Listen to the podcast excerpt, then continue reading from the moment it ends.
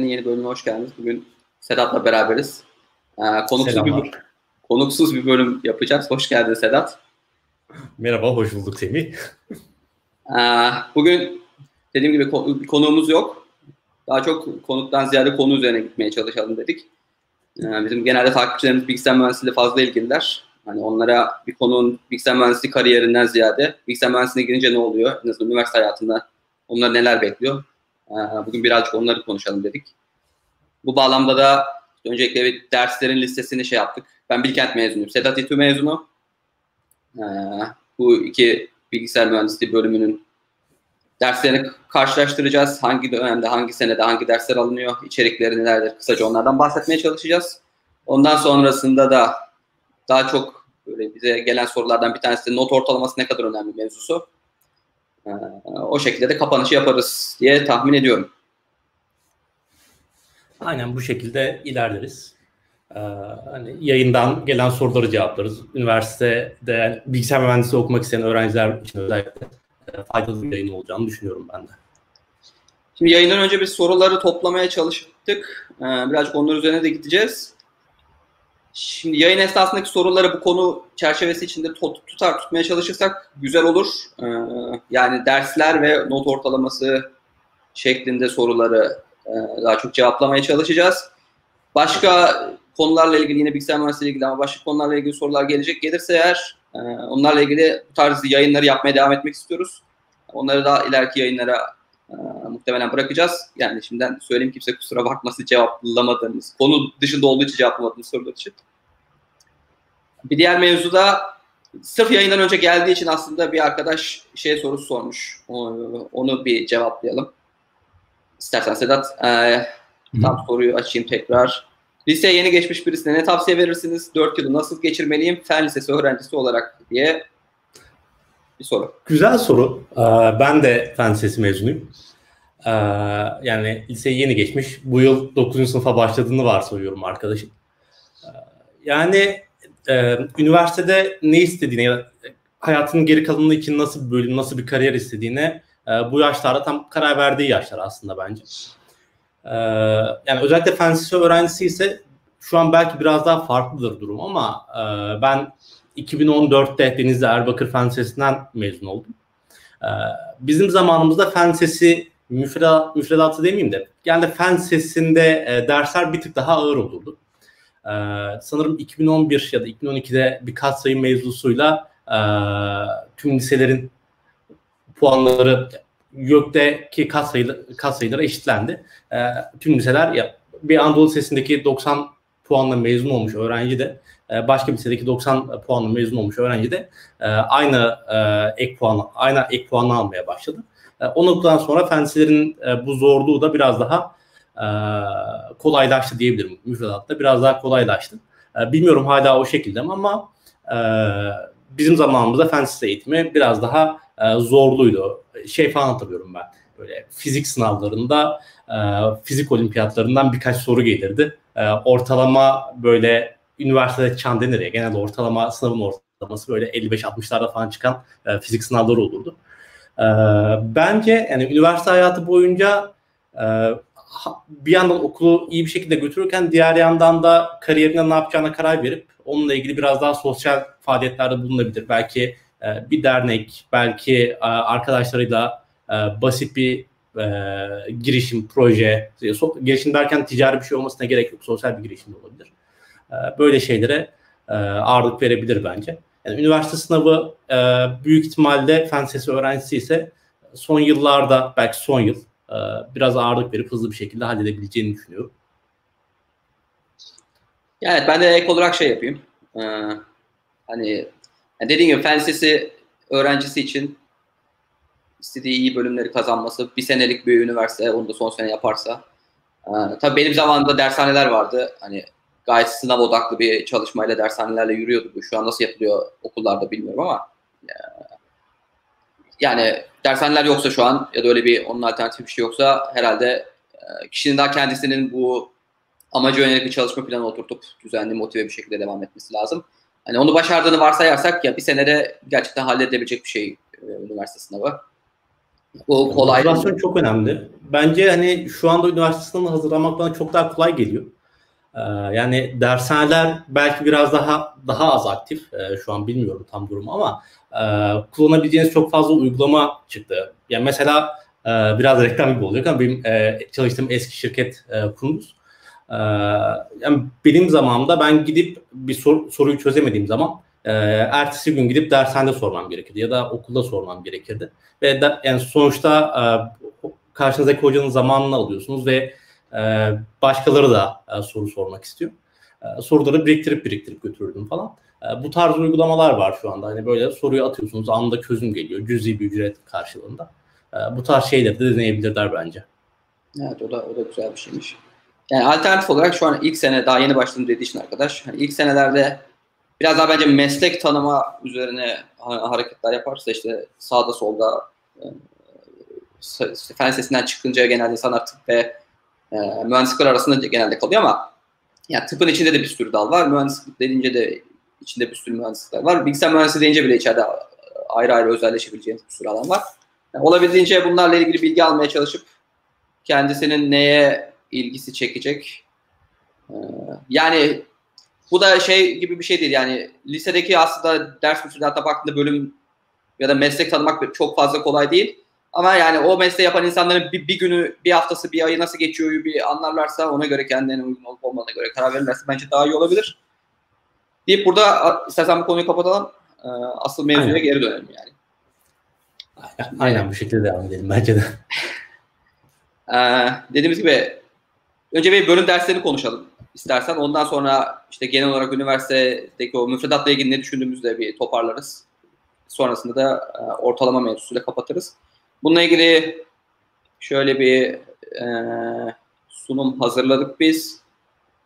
Yılları baz alarak Bilkent'te neler öğretiliyor birinci senede, e, birinci dönem ve ikinci dönem derslerin toplamı e, ve etüde neler var bu derslere tek tek bakacağız.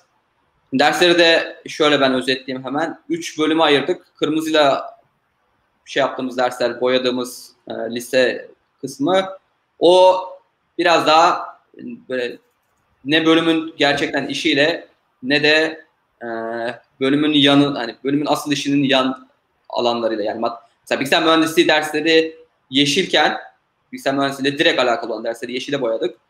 E, bilgisayar mühendisliğine yardımcı olabileceğini düşündüğümüz dersler işte matematik dersleri, İngilizce dersleri gibi dersleri İngiliz, e, sarıya boyadık ve neden var olduğunu bilmediğimiz bir şekilde ama bu e, müfredatlarda yer alan dersleri de e, kırmızıyla işaretledik.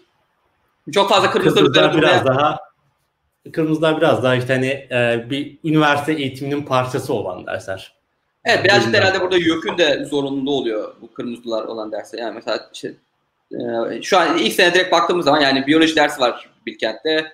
İTÜ'de ki, kimyayı görüyorum.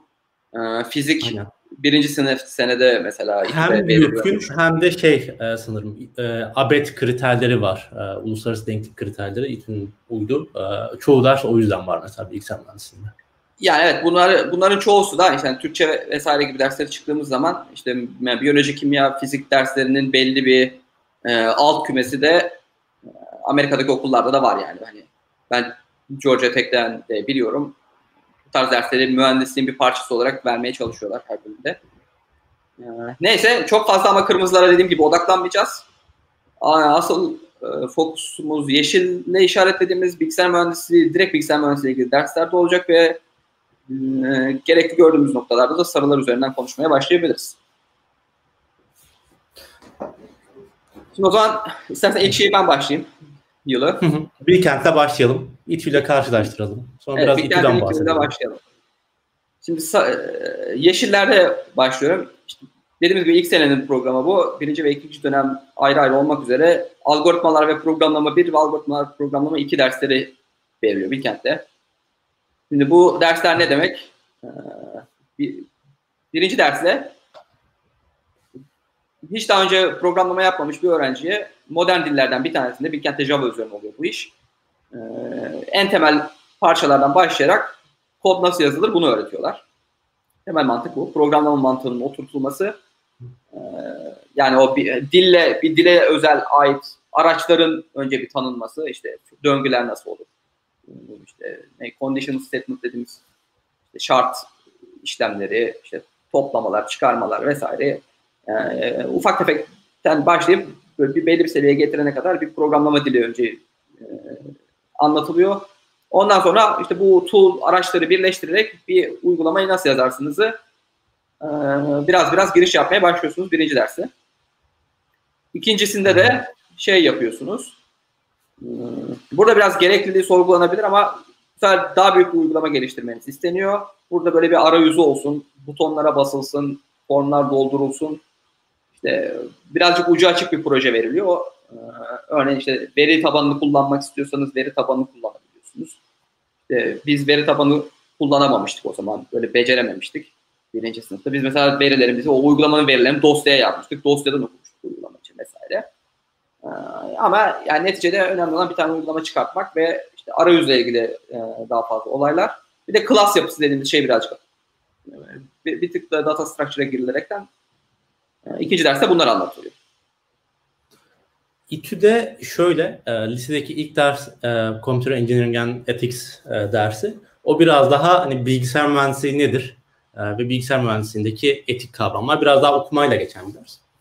E, diğer e, Introduction to Scientific and Engineering Computing diye bir ders var.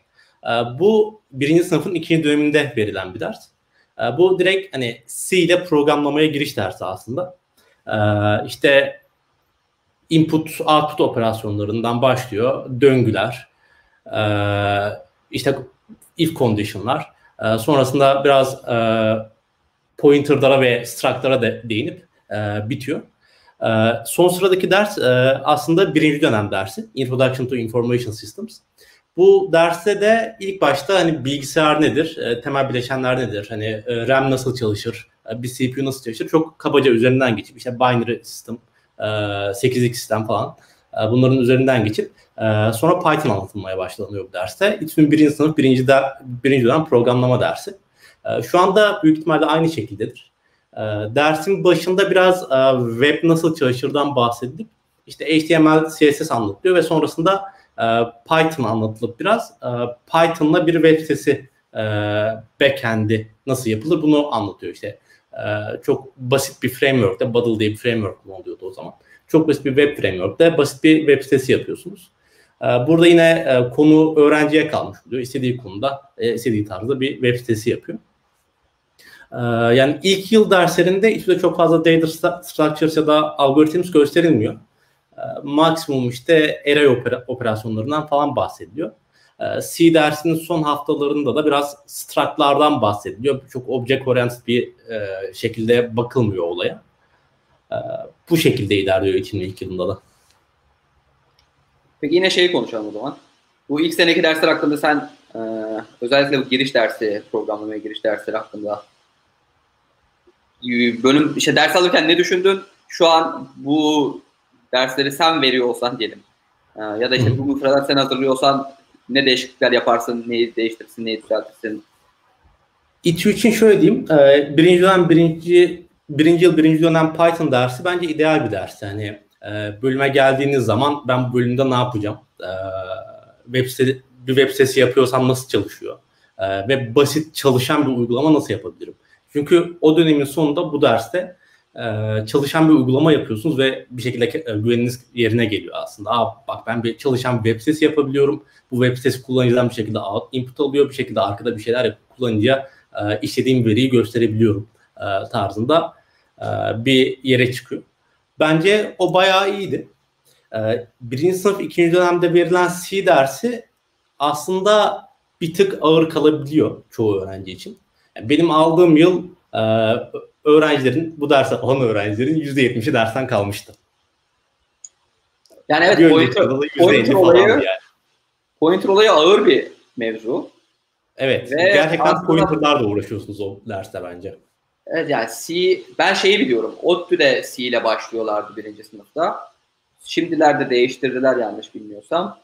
İşte Bilkent Java ile başlıyor. Java ile başlayınca konseptler birazcık değişiyor. Hani işte hmm, pointer diye bir şey zaten yok. Referanslar üzerinden objeler uçuyor kaçıyor sağa sola. Ee, yani ve pointer olayı gerçekten biraz vakit alan oturması ve böyle bir şeyleri çok kolay bozabileceğiniz yani bozmaktan kastım bilgisayarı bozmak değil ama kendi uygulamanızda kullanırken çok arkada neler döndüğünü anlayamadığınız durumlar karşılaşabileceğiniz bir bir de ilk kez kod yazıyorsanız hani e, debug etmesi de zor. Hani evet. ortama yabancısınız, ne yaptığınızı çok fazla bilmiyorsunuz e, ve muhtemelen de hani iyi bir debugger kullanmayı da çok iyi bilmiyorsunuz. E, o yüzden biraz ağır bir konsept olabiliyor. E, ya ben biraz şanslıydım. Ben hazırlıkta işte biraz hobi niyetine e, C öğrenmiştim. Sonra biraz Python öğrenmiştim falan. Yani temel konseptleri, döngüleri, condition'ları bilerek girince derse hani pointer'ları öğrenmek çok da zor olmuyor. Ama hani tabii ki de e, herkes bilerek gelmiyor ki bence bilerek gelmek zorunda değil hiç kimse. E, ilk kez konseptle tanışan bir öğrenci için biraz korkutucu oluyor. Ama şey hoşuma gitti ile ilgili olarak. E, bu Python ve Web'le başlaması ve üzerine hatta hmm, bu böyle işte RAM nedir, hard disk nedir, CPU ne iş yapar gibi yani bilgisayar parçalarında tanıtması Hani hem biraz insanların yani bölüme bilgisayarın kullanıcısı olarak gelen öğrencilerin e, gördüğü şeyler üzerinden böyle bir ilişki kurmaları açısından faydalı.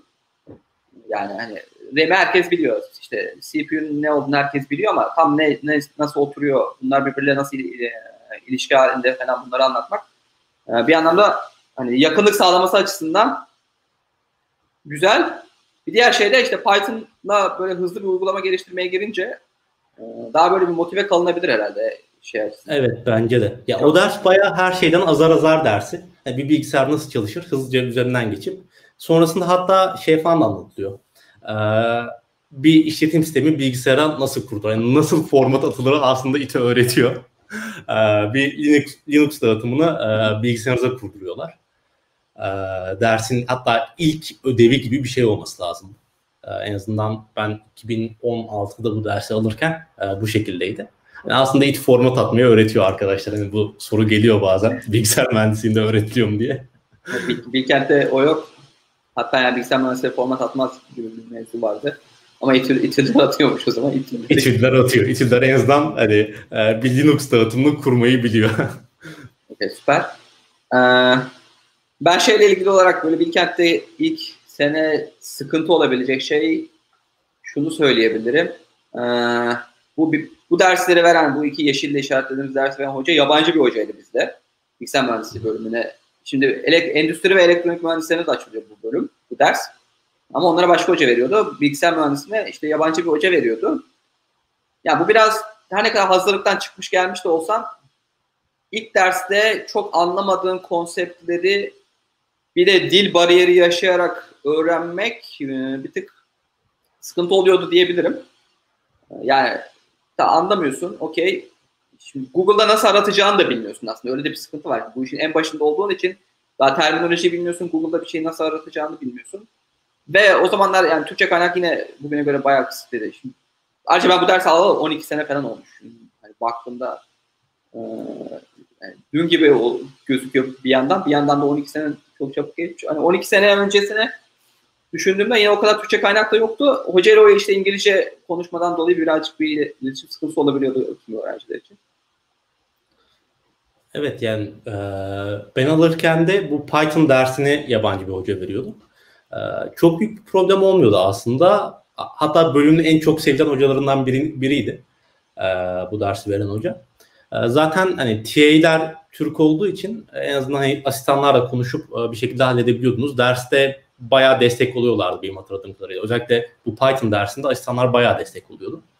Ee, ki ödevlerle ilgili sorular ve hani e, bazı ödevlerin sunumu var. İşte Python'da yapılan web sitesinin sunumu falan. E, bu tarz konularda da asistanlar ilgileniyordu.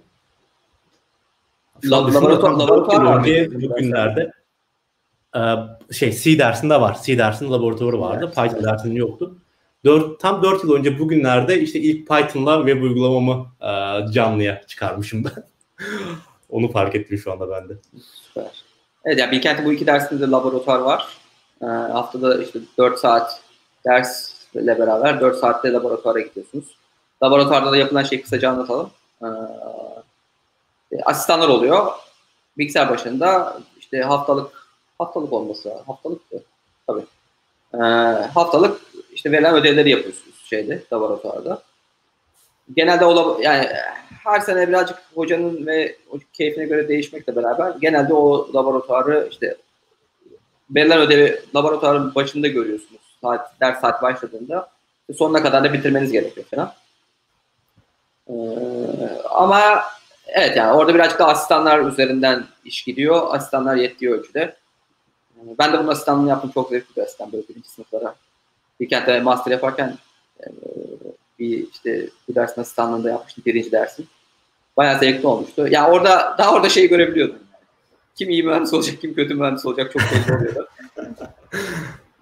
yani ben işte yeni, yani yeni başlayan arkadaşlar böyle ben üniversitenin şokunu hız, ne kadar hızlı atarlarsa o kadar iyi olur. Çünkü şey de çok fazla vardı. Ee, ya gerçekten çok yabancı yani insanların bilmediğin, daha önce yapmadığın şeylerle ilgili geldiğin için böyle ortalamalar falan sınavdan aldığın notlar çok düşük olabiliyordu e, öğrencilerin. Ve bölüm değiştirmeye benim dönemimde bölüm değiştiren sırf bu derste böyle iyi alamadığı için, iyi not alamadığı için bir de iyi notu da tabii şey için düşünüyor. Liseden geldiğinde işte 80 almış, 70 almış en azından. Hani öyle çıkmış gelmiş, ÖSS'ye girmiş, bir kente girmiş. Şimdi 25-30 alınca sınavdan yani ben herhalde yapamıyorum diye düşünüyor ama yani böyle bir şey yok. Sadece olaydan kopmamak lazım ve sizin neyin beklediğini birazcık Evet yani katılıyorum buna kesinlikle. Ee, yani sınavlardan düşük almak e, beni çok çarpmamıştı. Ben lisede de düşük alırım genelde, genelde sınavlarda. Böyle 40'larım 50'lerim vardır e, bazı derslerde. E, İTÜ'de de bu bahsettiğim C dersinde benim yılımda %70 kalmıştı alan öğrencilerim. E, o işte o dönemde bayağı bölüm değiştiren öğrenci de oldu. Yani işletme mühendisliği var işte. İşletme mühendisliğine, endüstri mühendisliğine geçen çok fazla öğrenci oldu. E, bence zaten e, bu yazılım dersleri İTÜ'de zincir olarak ilerliyor. Hepsi birbirinin ön koşulu. E, yani bölümün en zor dersi bu giri, ilk başta alınan C dersi diyebilirim ben. En azından e, o anki bilginize göre en zor dersi. E, ki bakınca tablolara da böyle her dönem sonunda not alımları açıklanıyor İTÜ'de. E, en çok kalan o zincirde kalan öğrenci sayısı bu ilk derste. Hatta giderek kalan öğrenci sayısı azalıyor açıkçası. Okay. Peki sarı dersler hakkında konuşmak istediğin bir şey var mı? Bunlara da bir bakabiliriz istiyorsan. Aslında hızlıca geçebiliriz üzerinden. Ee, yani İngilizceler e, standart sanırım iki tarafta da. Ee, benim gördüğüm kadarıyla mesela İTÜ'de lineer dersi e, birinci sınıfta alınıyor ve bu lineer dersi İTÜ bilgisayar e, bilgisayara özel bir ders aslında. E, bir havuz dersi de var İTÜ'de. Aynı kodlu, aynı ders kodlu. Ama bilgisayar öğrencileri bu dersi alamıyor. Kendi e, fakültemizin açtığı dersi almak zorundayız. En azından benim dönemimde öyleydi. Sanırım büyük ihtimalle hala öyledir. E, Bilkent'te sanırım bu ikinci sınıfa kalıyor lineer dersi. Yani birinci sınıfta belki daha mantıklı geliyor bana bu tarz e, şeyleri görmek ama sen ne düşünüyorsun? Ya ben aslında bu dersler ya bizde Şimdi lineer ve diferansiyel denklemler dersi beraber veriliyor zaten. Galiba sizde ayrı. Sizde. Bizde ayrı. Ya e, mesela Bizi... diferansiyel dersi bizde havuz dersi. E, onda da bir, bir miktar lineerden bahsediliyor. E, ama çok fazla üzerinde durulmuyor. Ki öncesine önceki dönem biraz e, yıpratıldığı için bizim bilgisayar öğrencileri e, diferansiyel dersinin e, lineer kısmını hızlı bir şekilde hallediyor. Okay. Evet, yani Bilkent'te bu işi e, işte beraber tek ders halinde anlatıyorlar.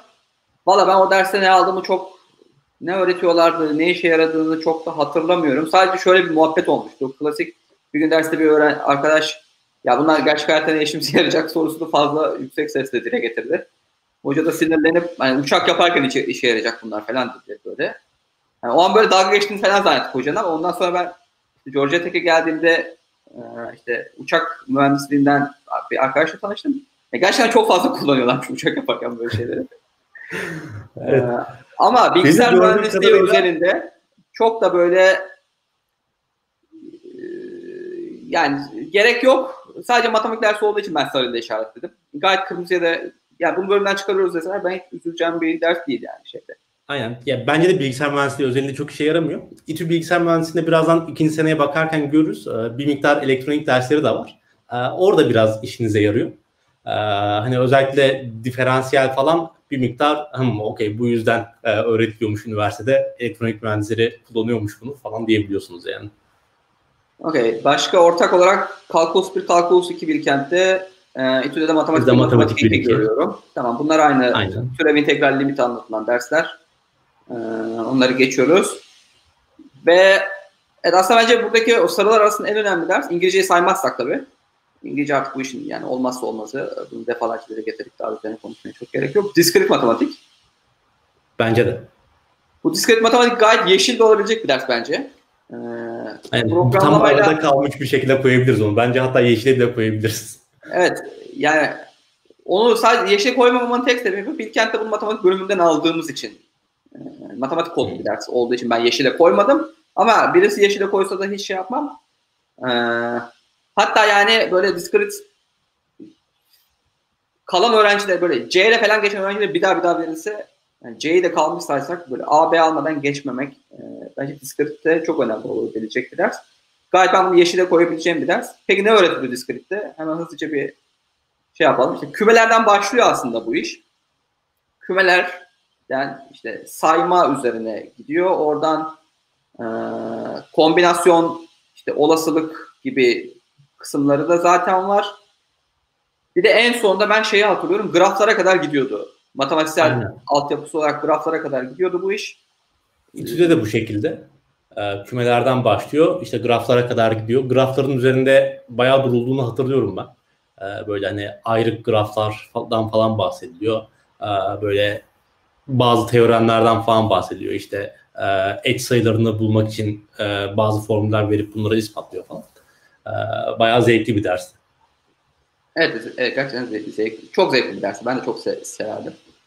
Ya birinci de sınıf dersleri arasında böyle hobi niyetine bir daha almak istediğim bir ders olur mu şu an deseler e, discrete math der- derim büyük ihtimalle. Evet yani. Ben bir daha almam dersi çünkü bizde şöyle bir durum vardı. Benim dönemimde onu 3 tane Rus hoca veriyordu Bilkent'te. Ama yani o Ru- Rus İngilizcesi de bilmiyorum sen hiç maruz kaldın mı? Yani Allah'tan matematik evrensel bir dil. Hani adamın tahtaya yazdığı şeyi anlayabiliyordum da dersi öyle öğrendim. Hani söylediği şeyle hiçbir hiçbir şey yani this is the vector function dediği zaman this is the vector function diyormuş mesela. Yani hani böyle bir çok ağır bir Rus aksanı vardı hocaların. Ee, ama inanılmaz zevkli dersti yani içerisinde.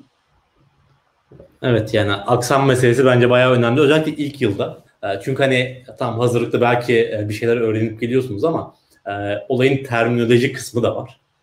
E, bazı kelimeleri ilk kez duyuyorsunuz ve yani aşina olmadığınız bir aksandan duyunca ne oluyor falan oluyor yani bazen. Evet, evet. Yani en azından yazısı güzel matematik hocası burada önemli. Yani o zaman ikinci seneye geçebiliriz. Tahta kullanımı çok önemli. Evet bence de geçebiliriz. Ee, İlk seneyle ilgili sen or- derslerde kalma oranından bahsettin ama bence bunu genel olarak bütün bu hani or- notların kıtlığı ya da derslerden bırakma sevdası şeklinde e, en sonunda konuşabiliriz. Aynen. Onu daha detaylandırabiliriz belki. Evet, şimdi ikinci seneki derslere baktığımızda Bilkent'te çok fazla kırmızı var.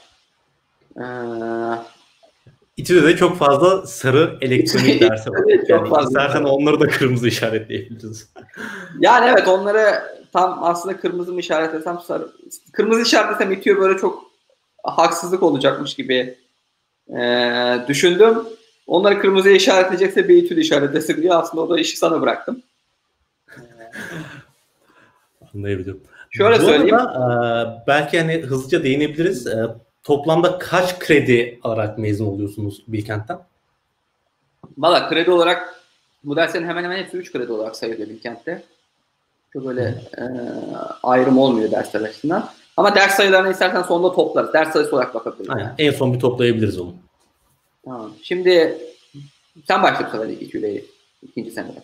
Tamam. Ee, yani hızlıca kırmızı sarı yeşil gidelim bu sefer. Ee, burada yani İngilizce 3 dersi biraz daha writing üzerine bir ders. İşte e, e, genel olarak nasıl alıntı yaparsınız, e, nasıl paper yazarsınız dersi aslında. Tüm okulun ortak aldığı bir havuz dersi. E, bir de dördüncü dönem seçmeli İTB dersi var. Bu da biraz daha e, insan toplum bilimleri diye geçiyor. E, sosyoloji, psikoloji, felsefe tarzı dersler e, ya da hani modernitenin tarihi gibi e, biraz daha böyle sosyal e, zevkli dersler var. E, sarı kısma gelince İTÜ'nün ikinci yılında yani açıkçası çok fazla e, elektronik mühendisliğiyle ortak dersimiz var. İTÜ'de elektronik mühendisliği dediğim bölüm bu arada elektronik ve haberleşme mühendisliği diye geçiyor. E, bu Introduction to Electronics, e, Basics of Electrical Circuits ve Digital Electronic Circuits e, elektronik öğrencileriyle ortak aldığımız, aynı sınıfta beraber aldığımız dersler. E, yani gördüğünüz gibi önceki birinci sınıfta elektronikle ilgili hiçbir şey görmeden ikinci sınıfta e, bu dersleri İTÜ öğrencisine veriliyor e, ve e, almak zorunda bırakılıyor. Zorunlu dersler bunlar bu arada. Seçmeli falan değil kesinlikle.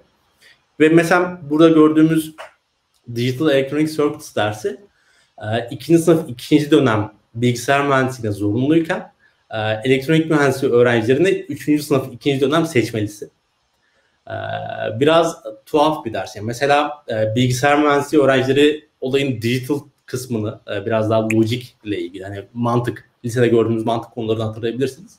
E, onlarla ilgili bir e, bir kısma değiniyor. O kısmı bilgisayar mühendisliği öğrencileri iyi yaparken elektrik elektronik kısmında elektronik mühendisliği öğrencileri iyi yapıyor. Yani çok e, sevenine rastlamadım bu dersi açıkçası. E, çoğu e, bilgisayar mühendisliği öğrencisi biraz e, zorlanarak geçiyor.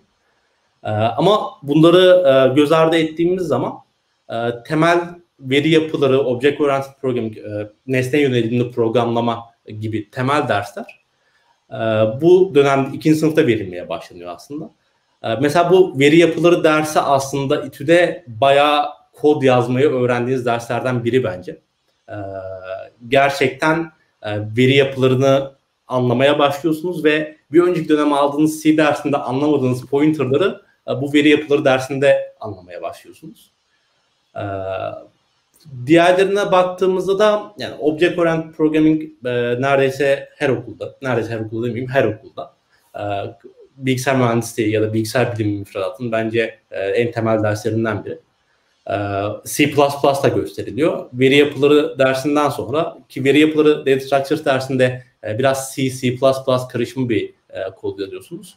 Object Oriented Programming dersinde C++ yazmaya başlıyorsunuz ve sonra e, bölümde hayatınız C++ devam ediyor zaten. Bu şekilde ilerliyor. Mesela Digital Circuits dersi de genel olarak nasıl anlatılır? Lisede gördüğünüz mantık konusuna dayanan bir ders aslında. E, işte bilgisayarlarınızda, işlemcilerinizde e, mantık kapıları Türkçesiyle e, logic gate'ler var. E, bunlar nasıl çalışır ve e, verilen mantıksal bir fonksiyonu bu kapıları kullanarak nasıl implement edersiniz? den başlayıp işte bilgisayarınızdaki RAM'ler nasıl çalışıyor, CPU nasıl çalışıyor ufaktan değinip bitiriyor aslında bu ders. Sonrasında Computer Organization dersinde bir bilgisayar işlemcisi nasıl çalışır aslında bayağı anlatılıyor. Bir simülasyon ortamında bir işlemci yapıyorsunuz. Register'lar, işte işlemcilerin temel birimlerine kadar inip sıfırdan logic gate'leri kullanarak register'ları yapıp sonrasında flip flop'ları yapıp e, işlemci ve e, bellek, memory tasarımını yapıyorsunuz. E, aslında bayağı zevkli bir ders ama açıkçası e, biraz zorlayan bir dersti beni. E, yani ilk başta olayın mantığını anlayıncaya kadar e, biraz zorlamıştı. E, sonrasında e, gayet de zevkli bir ders olmaya başlıyor. E, Formal Language and Automata dersi o da bence zevkli bir ders. E, genel olarak e, hani dil teoreminden bahsedip e, state machine'lerden bahsedip işte infinite state machine'ler ve Turing makinelerine kadar uzanan bir ders aslında. Çoğu okulda ben bu dersi seçmeli olarak gördüm. E, İTÜ'de zorunlu bir ders. E, zorunlu olması bence güzel yani güzel bir bakış açısı katıyor bir bilgisayar mühendisliği öğrencisine. Bu şekilde özetleyebilirim. Sonrasında tek tek detaylandırabiliriz e, Semih Bilkent'ten bahsettikten sonra. Evet, Bilkent'te dediğim gibi ikinci senede bayağı kırmızı ile işaretli bir ders var. Ee, bunun bir kısmı benim hoşuma giden dersler olsa da tam yani direkt bilgisayar yani mühendislikle ilgili olan dersler olmadığı için mecbur kırmızı işaretledim. Bunlardan mesela bir tanesi Culture, Civilization and Ideas bir iki dersleri. Humanity dersleri diye bir kentte ya da işte ağzın ağzı dolaşırken Humanity dersleri diye geçer. Ee, ya bu derslerden şundan bahsetmek istiyorum. Bir benim, benim çok hoşuma gittiği dersler. İki şu an keşke böyle dersleri daha fazla alsaymıştık. Diğer kırmızılar yerine keşke bu dersten daha fazla alsaymıştık diye. Örneğin yani biz burada derslerde İlyada okuduk. Ee, efendim işte Platon'un devleti okuluyor, okunuyordu. Machiavelli'den Prens okutuluyordu. İşte manifesto nasıl yazılır onu anlatıyordun. Yani böyle sosyal bilimlere dair yani temel e, mevzularla ilgili konuşabileceğiniz bir ortam sağlayan güzel bir dersti o. Ee, ama dediğim gibi bilgisayar mühendisliği alakası yok. Sadece benim sevdiğim bir ders olduğu için şu an böyle biraz detay verdim. Onun dışında sarılara işte diğer e, kırmızılarda aktivite dersi var. Şu ilk iki Collegiate Activities Program dedikleri iki ders. Bunda bu yeni gelmiş. Bir tane ders benim zamanında böyle deneme şeyi olarak başlamıştı. Orada böyle kulüplerin aktivitelerine, okulun içindeki aktivitelere vesaire katılıp puan alıyordunuz ve o puan aldıktan sonra geçip kalma üzerine bir dersi. Ee, yani sosyalleşme açısından böyle birazcık de teşvik etmeye çalıştığı için Bilkent öğrencilerini böyle bir ders de bunu yapıyor. Ve benim hoşuma giden bir şey işte normalde gitmeyeceğim. Yani üşeneceğim, gitmeyeceğim. Seminerlere böyle şey bu ders vesilesiyle gidip sırf puan alayım amacıyla gidip ama ondan sonra ya iyi ki gelmişim. Ee, buradan bir şey öğrendim dediğim bir ders o. Hatta yani bir aktivitede de Özbek sofrasına gidip gayet Özbek pilavı falan yemiştim böyle. Hani böyle, böyle de bir aktivite şeyi var yani. Hani kulüple işte yemeğe gidiyorsun, işte puan alıyorsun, derse geçiyorsun falan. Ee, bunlar işte fizik dersi İTÜ'de birinci sınıfta vardı. Bilkent'te 2'de geliyor. İTÜ'de laboratuvarla, İTÜ'de laboratuvar fiziğiyle hani herhalde dersi ayırıyorlar. Bilkent'inkilerde tek, tek çatı altında ikisi birden var. İşte ve tarih dersi. Bunu da geçelim. Ee, az önce konuştuk. Lineer cebir ve diferansiyel denklemler dersi işte bir, bir arada burada veriliyor. Ee, bununla ilgili işte uçak yaparken kullandığımızı biliyorum. Geri kalan şeyleri maalesef çok hatırlamıyorum. Şu an baksam da hatırlamayacağımı bildiğim için hiç bakmadım. Diğer derslerin syllabus'tan aslında baktım. Şey açısından hani 10 seneden fazla olduğu için bunları alalı. Tam olarak müfredatın içinde ne öğretiliyormuş, ne öğretilmiyormuş diye bakınca çok enteresan şeyler çıktı. Ve e, geldik işin güzel kısmına. E, Fundamental Structures of Computer Science 1-2. The Data Structures dersine karşılık geliyor bu şeyde, İTÜ'de. E, genel Data Structure dersi de budur. Bu bu en önemli yani bu en zor derslerden bir tanesi bölüm açısından. Ve böyle oturması da vakit alan bir şey ama e, işte Google'dır, Microsoft'tur, işte Facebook'tur gibi şirketlerin mülakatlarında işin yüzde 80'i buradan oluşuyor. Bu derslerde öğrendiğiniz konuların ne kadar hakimsiniz, onlar üzerinde nasıl bir problemi bunlarla nasıl çözebiliyorsunuz diye kısaca özetleyebiliriz. Ee, işte DFS, BFS'den başlayıp her türlü işte grafa da giriliyor burada, tree'lere de giriliyor. İşte en basitinden link list, listler de burada vesaire. Hepsi burada şey var. Sort algoritmaları, işte sıralama algoritmaları, arama algoritmaları vesaire. Onları da burada anlatıyorlar. İlk derste mi anlatılıyor yoksa yani iki dersin tamamında mı? İki, iki derse bölünüyor. İki ders birazcık daha ıvır zıvır konular da var aslında ikinci derste. Bilmiyorum şeyde siz sizde bunu tek derse verdikleri için belki sığmadığı için Gör, Mesela bizde graf falan e, üçüncü yılda daha ayrıntılı anlatıyor. Yani DFS, BFS, search algoritmaları. Anladım. E, Yok, belki hashing, hatta hashing bile üçüncü sınıfta anlatılıyor. Böyle hash table falan. E, üçüncü he, he, hash table da ikinci, ikinci olan derste var. Asıl ama işte yani gereksiz gereksiz yani hocası da bunu itiraf etmişti gereksiz olduğunu. O yüzden ben çok daha söyleyebilirim. Ee, Red Black Tree diye bir şey vardır. Çoğu bilgisayar evet, mühendisi sadece bu adını duymuştur belki.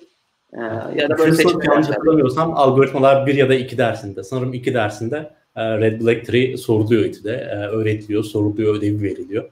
İşte yani Red Black Tree var, AVL Tree var, 2-3 tree'ler var, 2-3-4 tree'ler var. Böyle işte tree'lerin nasıl balans, balans tree'ler başta altına bunlar gidiyor. balans verileri nasıl işte nasıl eklersin, nasıl çıkartırsın, nasıl silersin yeni bir şeyi, işte nasıl güncellersin vesaire.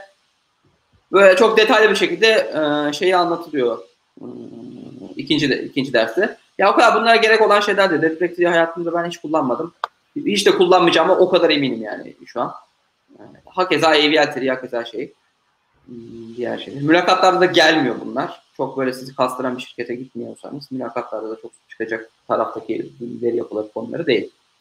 Digital design senin dediğin gibi işte logic gate'lerden, mantık kapılarından başlayıp üzerine e,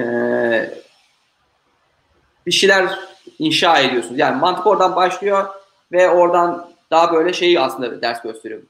Yani klasik bilgisayar mühendisi işte birler ve sıfırlar üzerine nasıl çalışıyor her şey bir ve sıfır vesaire şeyinin nasıl her şeyin bir ve sıfırla ifade edilebilip onun üzerine belli bir e, o mantık kapılarına V'den veya'dan vesaire bunları birleştirerek birbirine bağlayarak ekleyerek nasıl bir hesap makinesi yapabileceğiniz mesela bu digital design dersinde görüyorsunuz.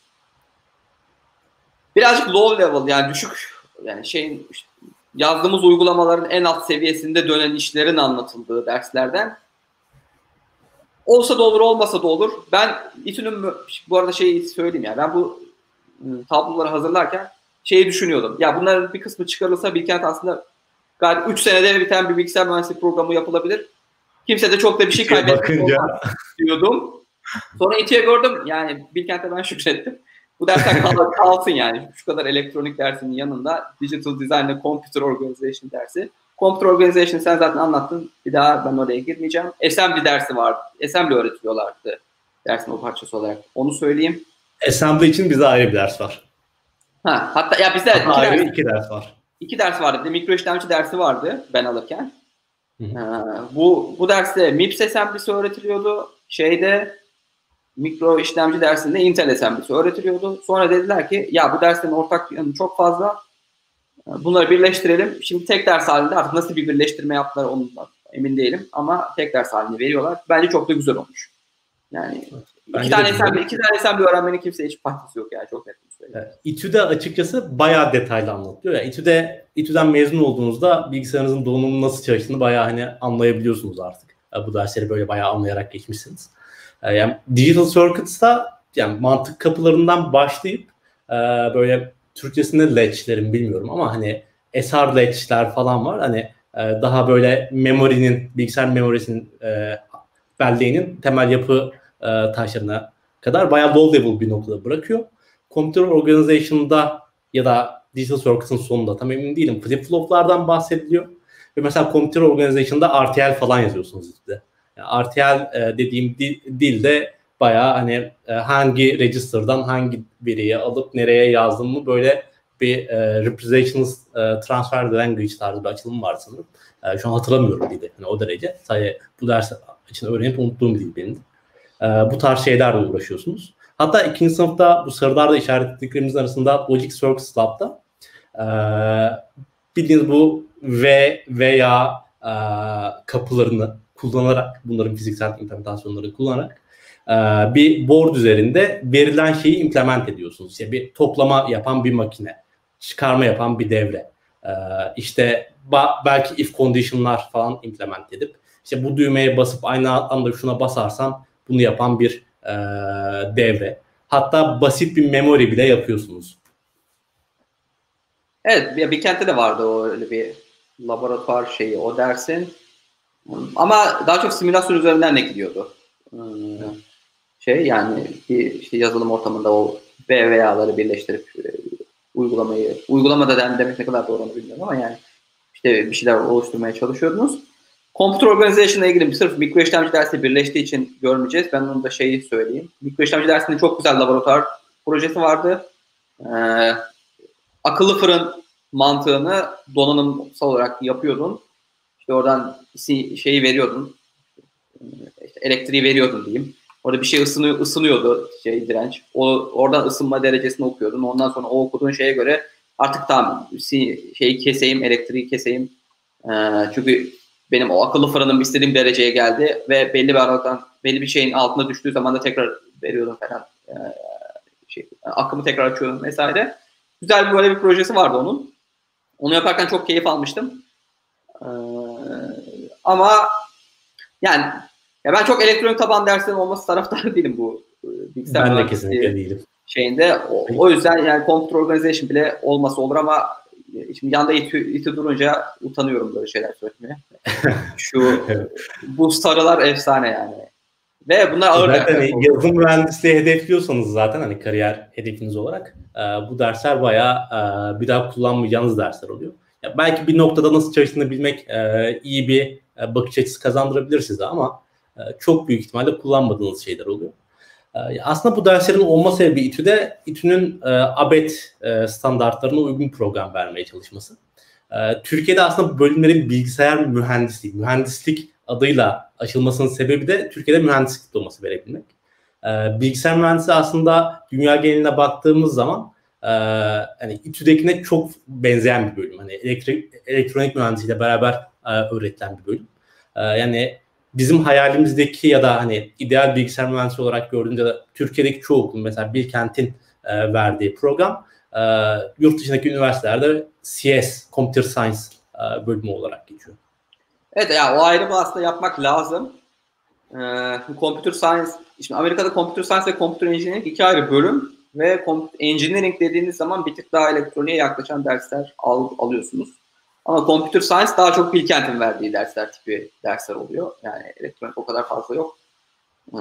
Detaylarını merak eden varsa mesela link olarak bırakabiliriz belki yayından sonra. ACM ve IEEE'nin beraber hazırladığı bir tane e, müfredat programı var. E, bilgisayar programları nasıl okutulmalı diye. İşte Computer Science, Software Engineering ve Computer Engineering'i e, toparlamış. Böyle çok uzun değil, 40-50 sayfalık bir e, anlatımı var. E, belki aşağıya link olarak şuraya o, bir yere bırakırız. O, o, o iş sen de onu yaparsın o zaman şeyle. Tamam. Ee, yani evet ikinci seneyle ilgili başka söylemek istediğim bir şey var mı? Böyle bir enstantanem varsa o da olur anıları şey yaparız. Ee, Şimdi aslında şurada şurada söyleyelim. Bu derslerin çok üzerine konuşamadığımız derslerin ne kadar işimize yaramadığı da buradan anlaşılabiliyor. Yani ben digital design hakkında çok fazla konuşamıyorum çünkü unuttum. Çünkü kullan unutmamın sebebi de kullanmıyorum yani. Hani ama o en nihayetinde işte computer organization'ı öğrenmeme faydalı olmuştur. Computer organization başka bir şey öğrenmeme faydalı olmuştur. Böyle böyle kullandığım yere gelmişimdir.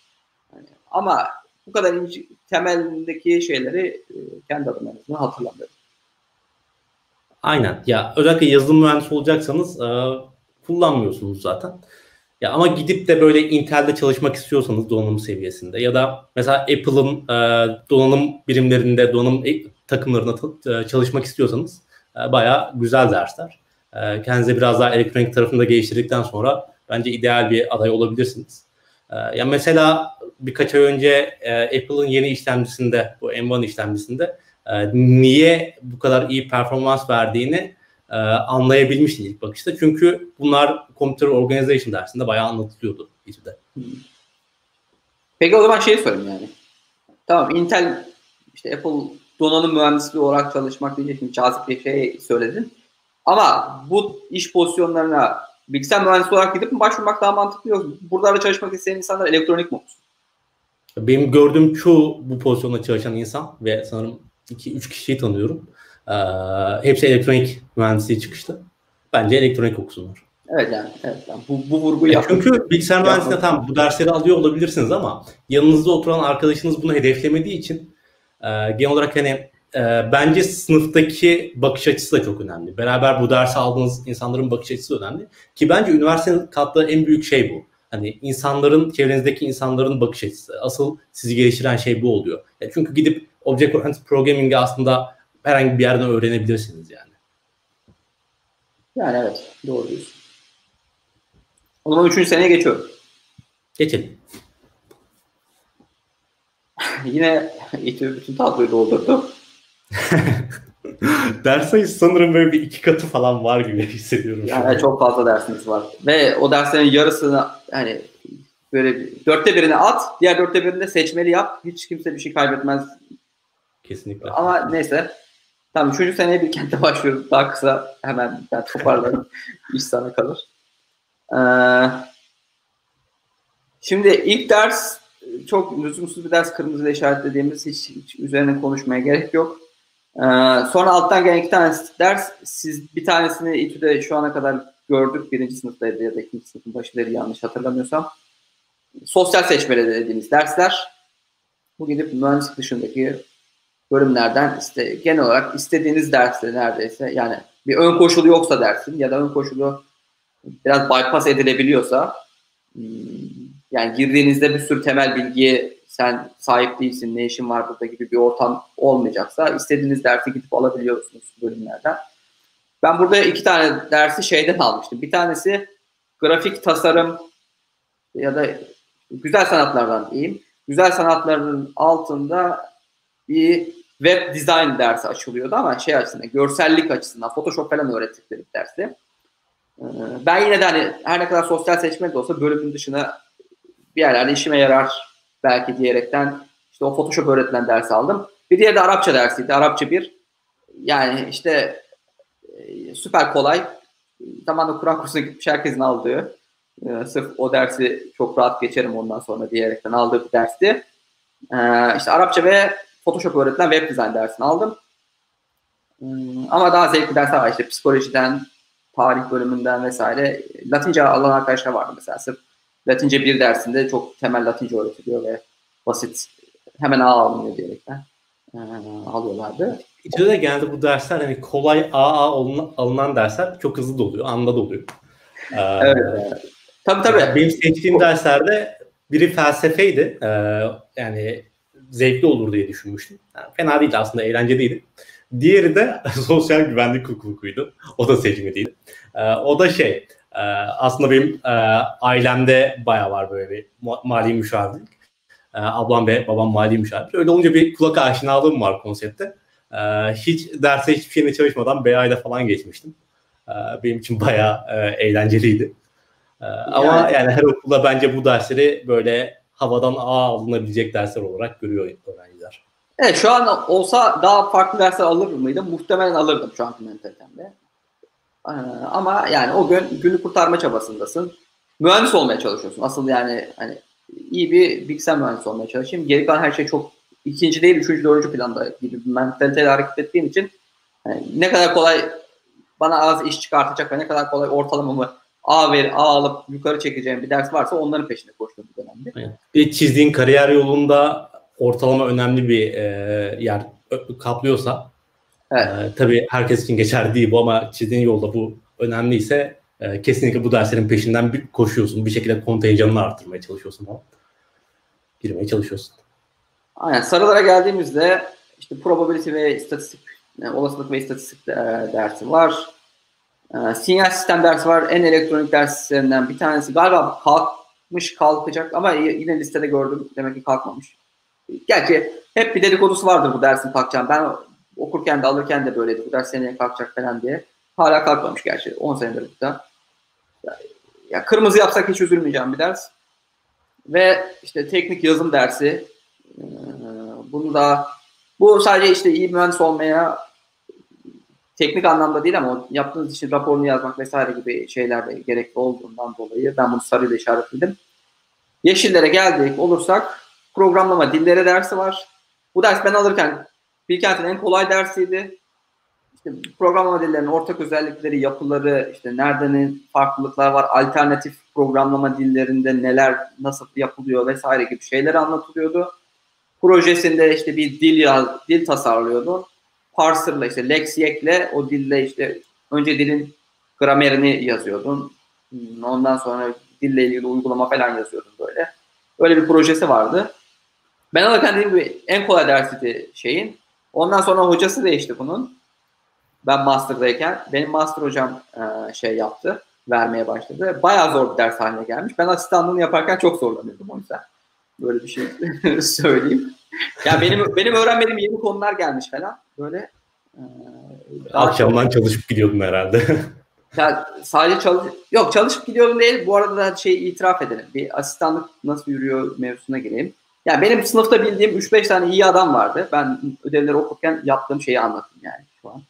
Ee, o 3-5 tane adamın ortak cevapları doğruysa onlarınkine bakıp mantığı öyle anlıyordum. Onların cevaplarından tam diyorum. Demek ki soruya böyle yaklaşmak gerekiyor.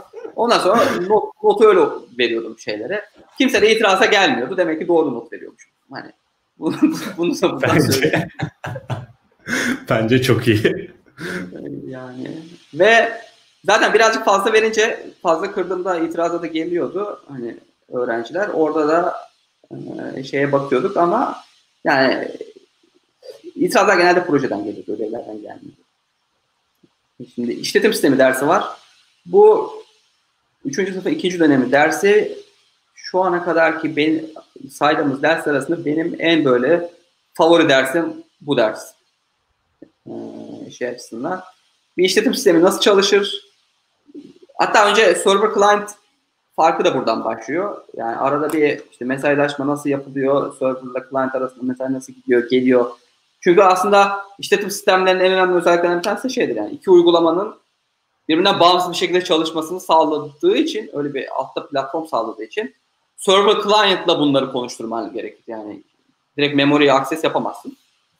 Ee, böyle bir uygulama geliştirerek başlarsın derse ondan sonra işte dosyalar nasıl tutulur, işte bu dediğim şeylerin page lookup table'lar vardır. Yani bunun memorisiyle bunun memorisini nasıl birbirinden ayrı tutarız vesaire gibi şeyler burada anlatılıyor.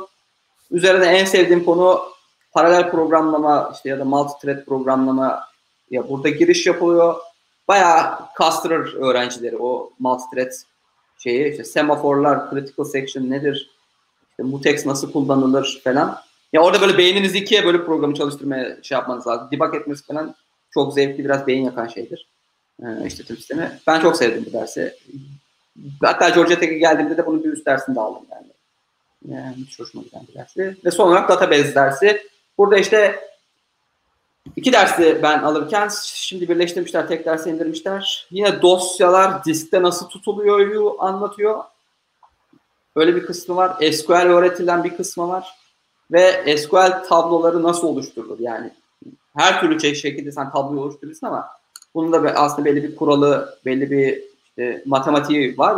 Onlar burada anlatıyor. Yani piyasada ne kadar kullanılıyordur bilmiyorum. O normalization'dan falan bahsediliyor sanırım o zaman. Evet. aynen. Onların onların hepsi bunun içinde. Hatta üzerine şeyler de var. Bir sorgu nasıl çalışır? Sorgu optimizasyonlarına da giriliyor biraz. Ee, bu da işte yani ben 3. sınıfta zevk almaya başladım şeyden bilgisayar mühendisliğinden. Çünkü bir de geçmişimden dolayı birinci ikinci sınıf derslerinde üç aşağı beş yukarı biliyordum. Ama üçte böyle iş daha teknik ve zevkli yerlere geldi benim için. Deyip Bilkent'i kapatabiliriz bence. Ve bir yarım saat iki dinleyeceğiz. Hadi bakalım falan diyorum. Bayağı uzun bir liste bakınca. Ee, hızlıca işte bu Türk dili derslerine geçiyorum. Ee, bu bildiğimiz lisedeki dil ve anlatım ve edebiyat derslerinin birleştirilmişi gibi iki ders. Ee, aslında hani aldığınız hocaya göre değişmekle beraber zevkli geçmişti benim aldığım dersler. Ee, hatta böyle çoğu hoca İTÜ'de bu derslerde e, bir sunum yaparsanız derste e, ekstra puan falan veriyordu. Güzeldi, zevkliydi. E, kariyer danışmanlığı dersi bu yeni geldi. Benim zamanımda yoktu. E, her hafta çarşamba öğleden sonra olması lazım. E, tüm hocaların bölümdeki e, danışmanlık saati e, yanlarına uğrayıp e, gidip konuşabiliyorsunuz. Hatta şu an işte bir zorunluluk geldi sanırım bu dersle ilgili. E, gidip yoklamaya falan imza atmanız gerekiyor. Ne kadar gerekli bilmiyorum. Ya, tabii e, her hocanın e, belli bir saatte ofisinde olması, bir ofis ağırlığının olması güzel bir şey ama gidip imza atma olayına dönmüştü. Benim gördüğüm kadarıyla diğer dönemlerden, alt dönemlerdeki öğrencilerden. Sarılara baktığımızda mesela burada bir olasılık ve istatistik dersi var. İTÜ bilgisayar öğrencilerinin e, biraz kanayan yarasıydı bu e, eskiden. Şu an nasıl bilmiyorum. E, çünkü işte biraz önce bahsettiğim lineer dersi, numeric, numerical methods dersi, sayısal yöntemler dersi ve bu olasılık dersi aslında tüm okulun aldığı dersler ama İTÜ bilgisayar öğrencileri bu dersleri kendi bölümlerinden almak zorunda. En sıkıntılısı da biraz bu olasılık dersi gibi görünüyor. Ee, ya bu dersi alan öğrencilerde yani en yüksek not CB falan oluyor genelde. Ee, çok nadiren CB üzerinden not e, alınabiliyor. Ee, hatta çoğu öğrenci ya bunun bir bug'ı var açıkçası ya yani bir e, kaçabileceğiniz bir nokta var bu dersten. ders seçimleri bittikten sonra başka bölümlerin e, açık kontenjanı olursa bir derse o dersi alabiliyorsunuz.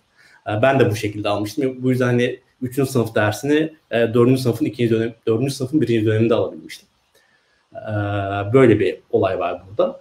E, bu sinyal dersi Bilkent'teki e, en elektronik derslerden biri gibi söyledi Semih ama İTÜ'de belki de en bilgisayar derslerden biri olabilir.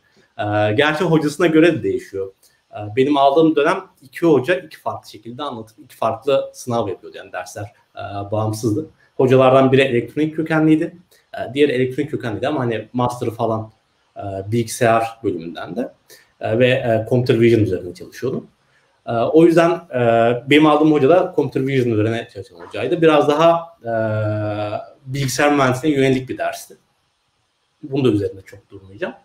E, elektronik laboratuvarında bayağı devreler falan, elektronik devreler kurdunuz. E, bayağı gerçekten hani e, basit elektronik devreler yaptığınız bir e, laboratuvarda. E, hani elektronik devre elemanlarını e, baya baya kullanıyordunuz burada. E, işte elektronik devre deyince lisedeki elektriğe gitmesin e, eğer lise lisede okuyup e, izleyen arkadaşlar varsa burada baya e, hani mikroçipleri kullanıp e, bazı logic gate'leri kullanıp e, mesela diyotları falan kullanıp e, daha akıllı e, daha e, mantıklı devreler yapıyordunuz.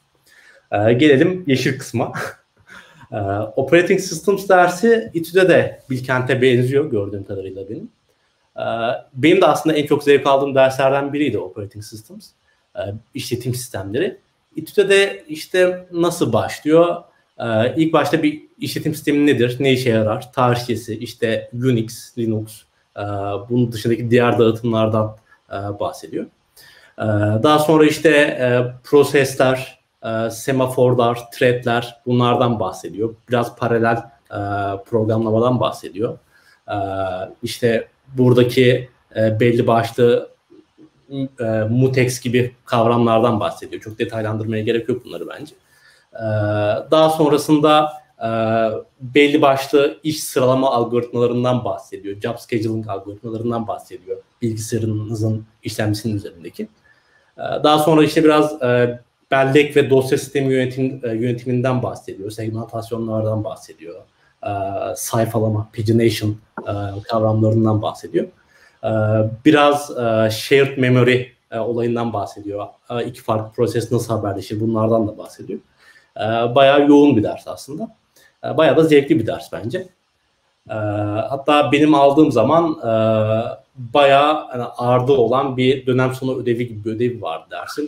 E, böyle semafor kullanıyordunuz ve paralel programlama yapıyordunuz. Belli başta e, loglar yapmanız gerekiyordu falan. Bayağı zevkli bir dersti.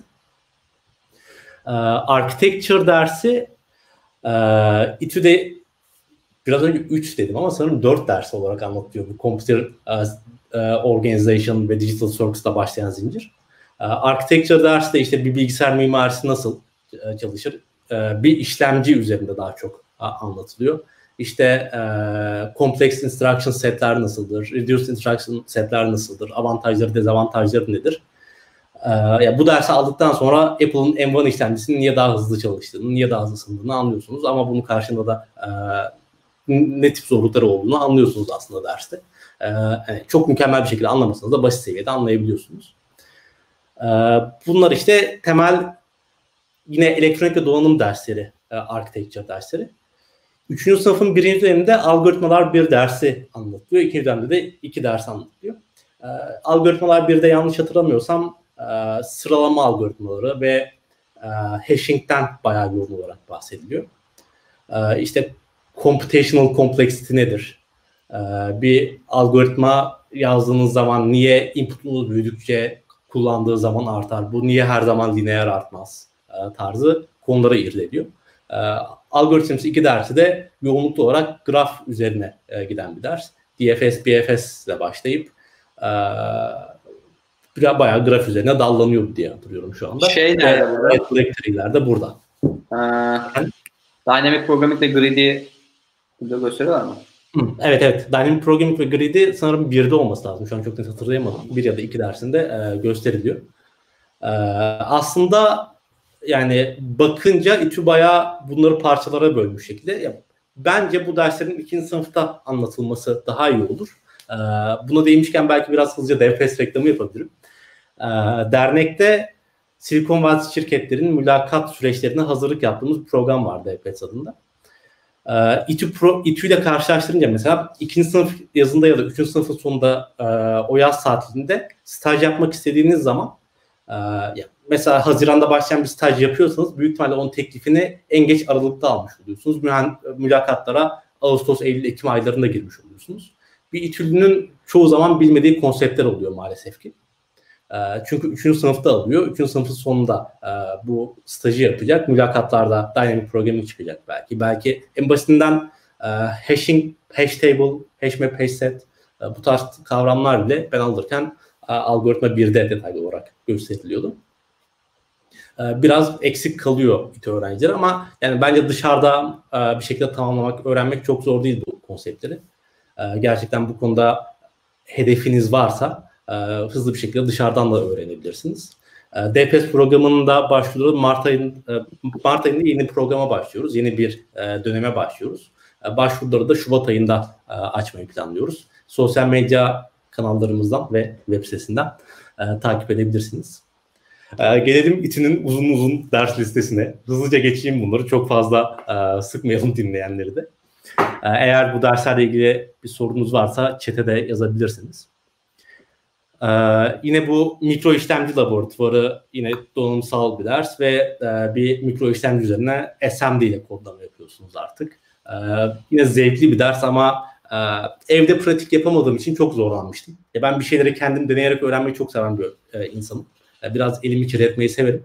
E, o işlem, e, o işlemci, o nasıl diyeyim? Evet o işlemci evimde olmadığı için ve o sete sahip olmadığım için, o SMD'yi de yazamadığım için çok da deneyerek öğrenebildiğim bir ders olmamıştı. Bunun yanında işte Database Systems İTÜ'de bence en güzel derslerden biriydi bu arada. Ben bayağı zevk almıştım. Çünkü opsiyonel olarak iki vizesi vardı. İkinci vizeye girmek yerine proje ödevi yapabiliyordunuz. Proje ödevinde de e, yine Python kullanarak e, benim zamanımda Flask Web Framework'unu kullanıyorduk. Onunla bir çalışan bir dat, e, web projesi, arka planında database'i olan bir web projesi yapılması isteniyordu. Ee, derse ilk başladığı, başladığınızda işte bir database nasıl çalışır? Database yönetim sistemi, veri tabanı yönetim sistemi nedir? Ee, bunlardan bahsedilip işte e, B3 e, data structure nasıl çalışır ama çok fazla değin, değinilmiyordu. Arkasında böyle bir şey var bilin şeklinde anlatılıyordu. Biraz NoSQL database'lerden bahsedip e, özetleyen bir dersti. Dediğim gibi çalışan bir web projesi geliştirmek arka database'in olduğu bayağı hani user'ları ya da user'ın yaptığı artık hani business logic implement edebildiğiniz ve bunu tutabildiğiniz bir proje yapmak bence bayağı iyi hissettiriyordu. Ee, diğer bu seçmeli e, derslerde, TM olarak görünen seçmeli derslerde de işte machine learning, e, AI, e, computer networks, e, paralel programlama tarzı dersler var. E, mesela Bilkent'teki e, Pro, Programming Languages dersinin direkt bir karşılığı yok içinde. Ama seçmeli olarak bir derdeci tasarım dersi var. Ben almadım çok fazla bilmiyorum o yüzden içeriğini. Ama orada hani e, bir dil sinteksi nasıl olur, e, bir derdeci nasıl tasarlanır, bu dil nasıl parse edilir tarzı konulara değiniliyor olması lazım. E, hızlıca özetlersek bu şekilde aslında 3. sınıf programı da e, bayağı yoğun bir program. Tamam şeyi sorayım ben sana ya. Bu 3. sınıf çok yoğun. Ama şeyi de fark ettim. Yani ders listesi olarak İTÜ çok yüksek gözüküyor ama hakikaten senin de dediğin gibi dersleri de bölmüş. Ee, evet. Bilkent'te yani İTÜ biraz daha detaylı hani bu konuda hani gerçekten e, bunu nerede kullanacağım hocam diyebilirsiniz. E, derseniz büyük ihtimal e, cevapları vardır ama yani.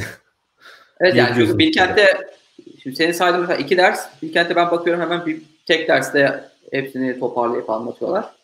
Ee, ama yani İTÜ şeye bölmüş biraz o yönden işleniş açısından da muhtemelen farklı. Yani daha zamanı da demek daha çok yayıyorlar. Ee, peki şeyi sorayım mesela benim 3. sınıfa geldik sürü CS derste konuştuk. Bilkent'te şey durumu vardır. Hani böyle ders sayısı az olunca e, bütün dönem yatarak geçiyoruz gibi bir şey olmasın. Çünkü 3. 4. haftadan sonra bu derslerin hepsi bir başlar. quiz'i gelir, sonra projesi gelir, sonra ödevi gelir, sonra bir quiz daha gelir, sonra bir projesi daha gelir, sonra bir ödevi daha gelir. Hatta yani ben Bilkent'teki sınavları bu düzenden dolayı kolay buluyorum. Ee, çünkü zaten ödev, sınav, şey ödev, quiz, ödev, quiz, proje bilmem ne uğraşırken, uğraşırken, uğraşırken zaten her şeyi öğreniyorsun. Sınava girdiğinde sadece böyle bir bildiğin şeyleri hatırlamak, zaten unutmamışsın da çok fazla ama ezberlenecek bir şey varsa ezberlemek. Ee, yani ufak tefek detayları tekrardan işte akılda tutur, kal, kalacak hali, sınav, sınavda işine yarayacak halleri öğrenmek gerekiyor. Mesela sınava çalışırken ben öyle ekstra bir iki aylık bir yatış sürecinden yani derse git gel ve hiçbir şey yapmadan ıı, çıkıp sınava girip çok çalışmam gereken bir dönem olmuyordu. Sürekli yoğun tutmayı başarıyordu Bilken. Bu sınav proje ödev şeyi şeyde nasıl? Ee, İTÜ'de de 3. 4. haftada başlıyor e, her ders için. Ve on, o noktadan sonra her dersin sürekli bir ödevi, bir sınavı, bir quiz'i geliyor. E, yani mesela İTÜ'de bir vize haftası diye bir konsept yok. E, Bilkent'te var mı bilmiyorum. E, yani benim gördüğüm çoğunlukla bir vize haftası konsepti var. Ben bazen keşke olsaydı diyorum. Çünkü e, her şey birbirine girebiliyor. Ya bazı derslerin iki vizesi var. Bazı derslerin tek vizesi var. Ee, bazılarının vizesi yok, projesi var falan. Herkes, her şey birbirine girebiliyor. O dönem çok fazla ders almışsanız. Ee, ki hani ders sesine bakınca bayağı almanız gerekiyor. Ee, yani ben genel olarak çok not ortalaması iyi, okulu seven parlak bir öğrenci değilim. Buna en son yine bahsederiz bundan yayının sonuna doğru. O yüzden hani çok objektif bir değerlendirme belki yapamam. Ee, ama İTÜ'nün açıkçası bayağı yorucu bir e, temposu olduğunu düşünüyorum ben yani. Çoğu öğrencinin bana katılacağını da düşünüyorum İTÜ'de okuyan. E, çünkü yani bugün yapmanız gereken bir ödev, bir hafta sonra sürekli bir vize, sürekli yani timeline'ınız dolu oluyor. Takviminiz sürekli dolu oluyor. E, ve hani çoğu zaman e, eğer iyi bir GPA yapmak istiyorsanız, iyi bir ortalama yapmak istiyorsanız İTÜ'de bayağı emek vermeniz gerekiyor.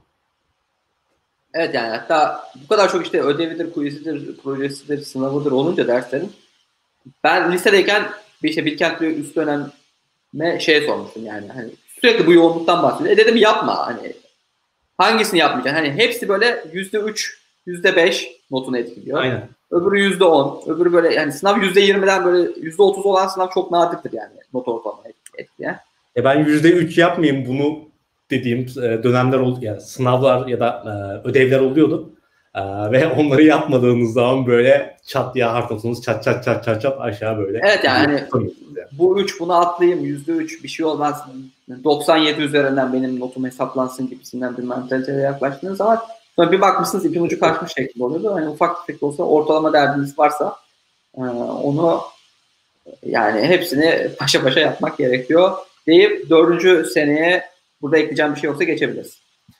Yok aslında ya. Ortalamayla ilgili hızlıca bir şey ekleyebilirim. E dediğim gibi ben çok ortalaması iyi olan parlak bir öğrenci değildim. Ben daha çok hani e, birinci sınıftan itibaren öğrenci kulüplerinde bir şeyler yapayım.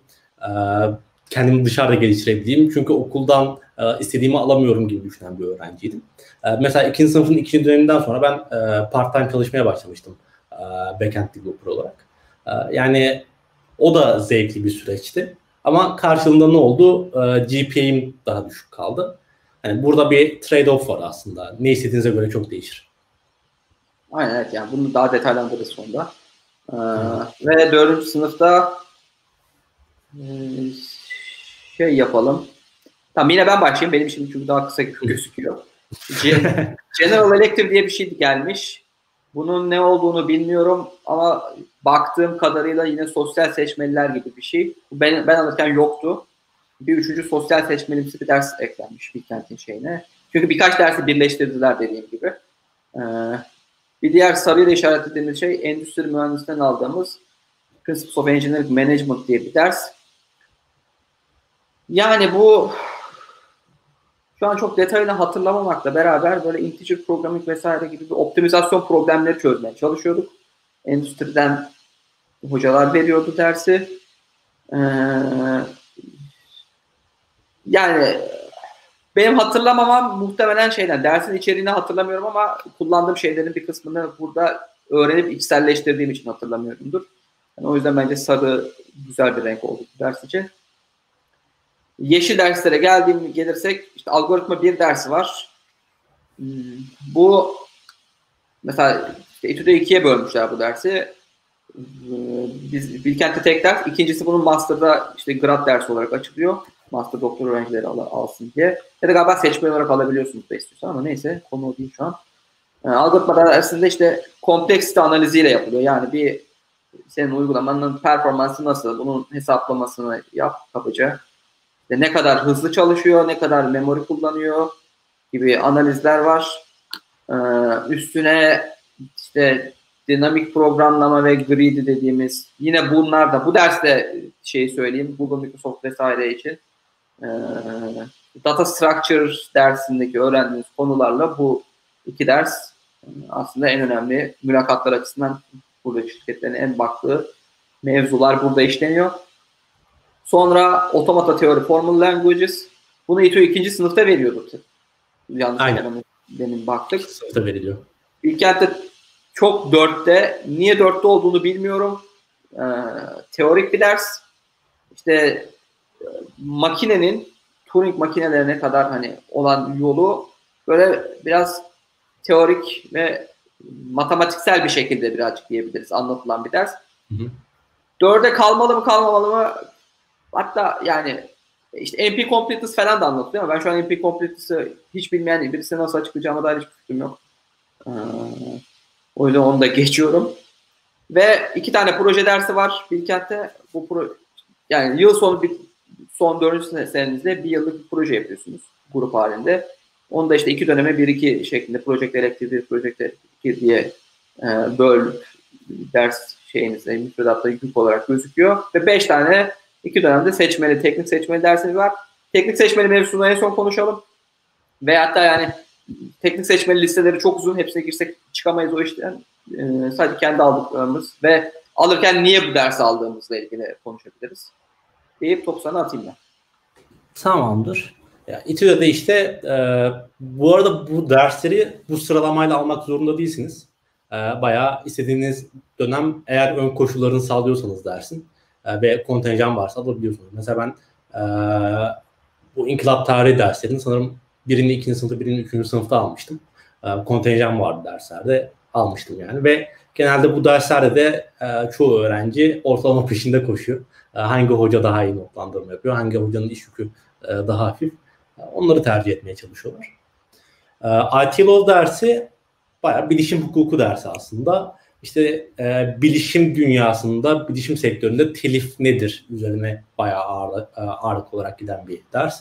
E, sonra işte GDPR, e, yani kullanıcı sözleşmeleri, e, kullanıcı gizliliği, veri gizliliği e, nedir, nasıl, e, ne tarz sözleşmeler yapılır e, tarzı şeylerden bahsediyor sonrasında da. Yani teliften başlayıp kullanıcı sözleşmeleri de devam eden bir dersti. E, çok fazla detayını e, açıkçası hatırlamıyorum. Ben yine 3. sınıfta almıştım sanırım bu dersi. E, ekonomi dersini de sanırım 3. sınıfta almıştım.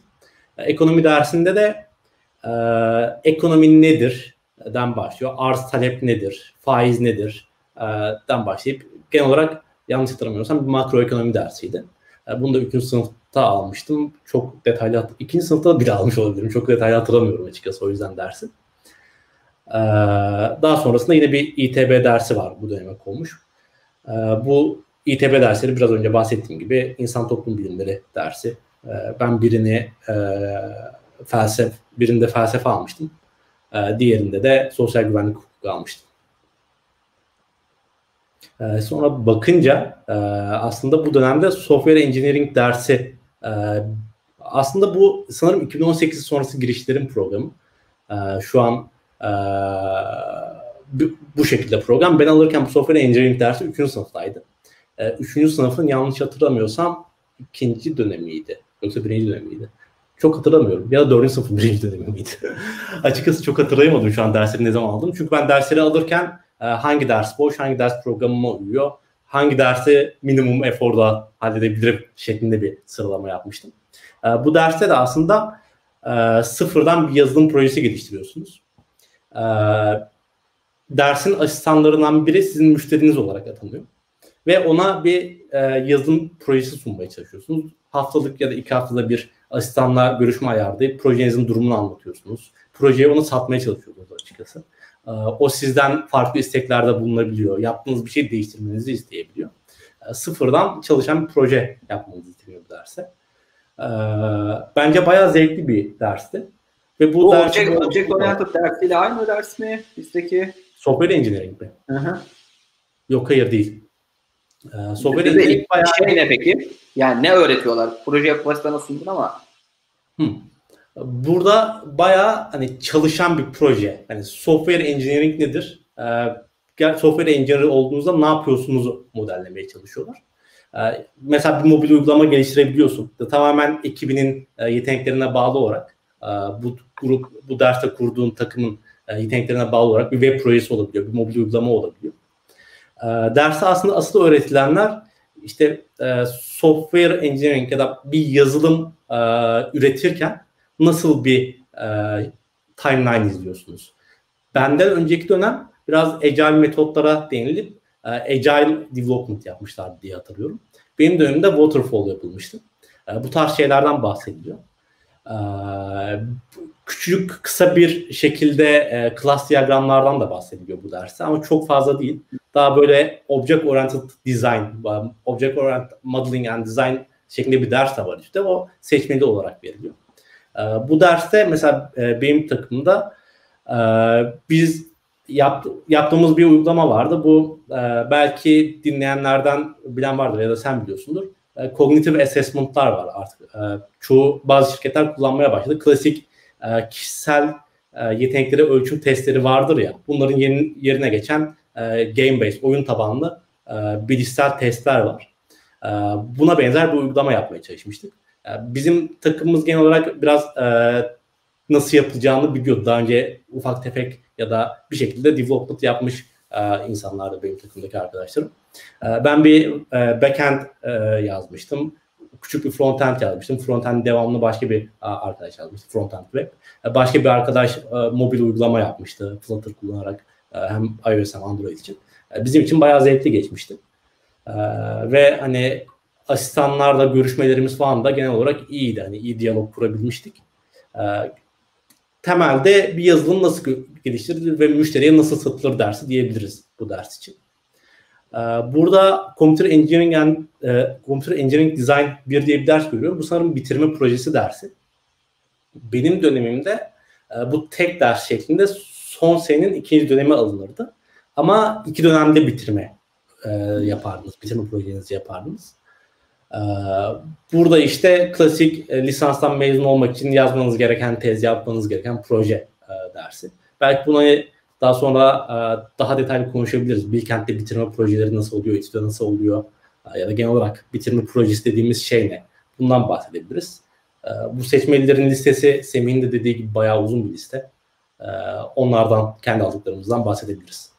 İstersen Bana sen başla. Şeyi sordun, bu bitirme projesi nasıl oluyor anlatayım bir Bilkent'te. İkiye bölünmüş halde dediğim gibi. İlk sene, ilk dönemki dersin sonunda sadece projeyle ilgili doküman yazıyorsunuz. Ee, yani isterseniz kodla geliştirebilirsiniz. Hiç problem değil. Kod erken başlamada bir problem yok ama e, projede ne yapacağız, nasıl yapacağız, class diyagramlar, işte efendim database'ini nasıl tasarlıyoruz, serverla hangi teknolojileri kullanacağız, serverla client nasıl konuşacak vesaire bayağı geniş detaylı bir doküman dönem sonunda çıkması gerekiyor.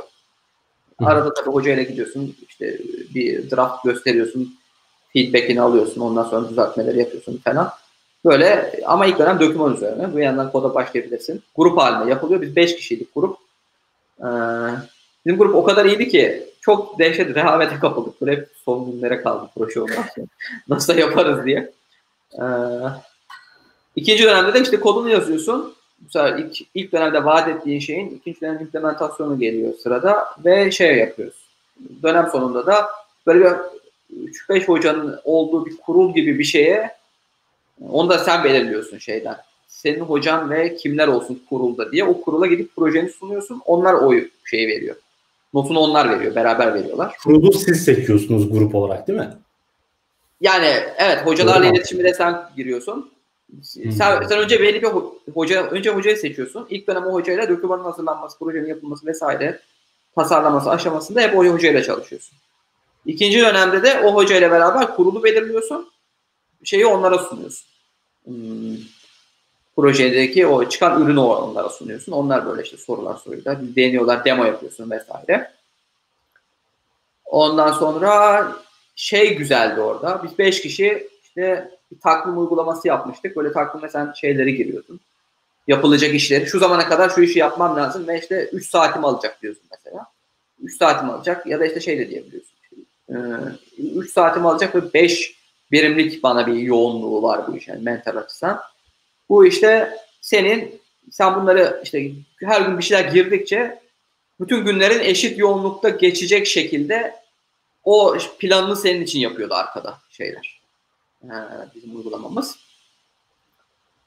Ben backend tarafını yazmıştım. 5 kişiydik. İşte iki arkadaş e, web ön yüzünü yazmışlardı. İki arkadaş da iOS ön yüzünü yazmışlardı. Böyle bir projeyi teslim ettik. Ee, aslında süreç benzer ilerliyor burada. Yani ama burada bir öğrenme bir şey yok dediğim gibi tamamen uygulama, tamamen işte doküman. Artık yani neredeyse bilgisayar mühendisliğine hazırsın ve şimdi ilk projeni yap gibi bir mentalite var yani. Dokümanını yaz. Direkt şey, yani bir yazılım projesi mi oluyor genelde sizde bitirme projeleri? Bizde evet. biraz daha hani research odaklı bir şey de olabiliyor. Yok, research odaklı bir şeyi eskiden yapıyorlardı galiba. Benle beraber yapmamaya başladılar. Onun da sebebi çok büyük bir fuar düzenliyorlar. Bilkent Otel'de böyle salon kapatmalı falan. Ve orada hmm, işte endüstriden insanlar geliyor, onlar sponsor oluyorlar, ödüller dağıtılıyor, para ödülleri şunlar bunlar. Baya böyle hani research'ten ziyade daha piyasaya yönelik e, ürünler, uygulamalar ortaya çıkartmam bekleniyor. Ama yapacağım da sen hocanın ikna ettikten sonra yani kimse de niye böyle şey yapıyorsun demez. Hı. Bir artık yani evet, teknik seçmelere gelebiliriz. Ben de kendi aldıklarımı baş, anlatarak başlayayım. Ondan sonra sen şey yaparsın, yer alırsın. Benim en, ilk başta söylemek istediğim şey e, ben research dersi aldım, araştırma dersi seçmeli olarak. Bu ders bir hocayla beraber hocayla anlaşıyorsunuz ve hoca size araştırma projesi veriyor.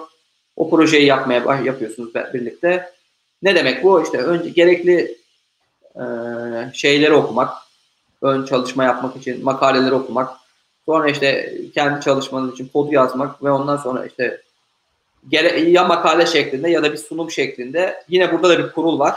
Bu dersi öğrenciyle bir akademik çalışma yapan o dönem bütün hocaların olduğu bir kurula şeyi sunuyorsun projeni. Ondan sonra puanını oradaki işte orada tartışıyorsunuz vesaire. Niye yaptın, ne, ne yapıyorsun, ne ediyorsun bilmem. Her türlü detaylı incik incik böyle neredeyse bir e, master savunma tezi ciddiyetinde geçen e, o kadar geniş ölçekli bir iş beklemeseler bile bir araştırma projesi yapılan bir dersti. Hatta ben oradaki hocamla ondan sonra yüksek lisansa devam ettim. Ee, ve bu ders almamda da iki sebep vardı. Bir tanesi bir o hocayla çalışmak nasıl bir şey onu çok onu merak ediyordum. Ama çünkü master yapıp yapmamaya karar verecektim ona göre. Şimdi master dediğiniz şey iki sene. Hani o iki seneyi e, riske etmektense böyle hani dedim bir dönem şu hocayla bir şey yapayım. E, başlayalım bakalım nasıl çalışıyor, uyum sağlayabilecek miyiz, nasıl gidecek iş.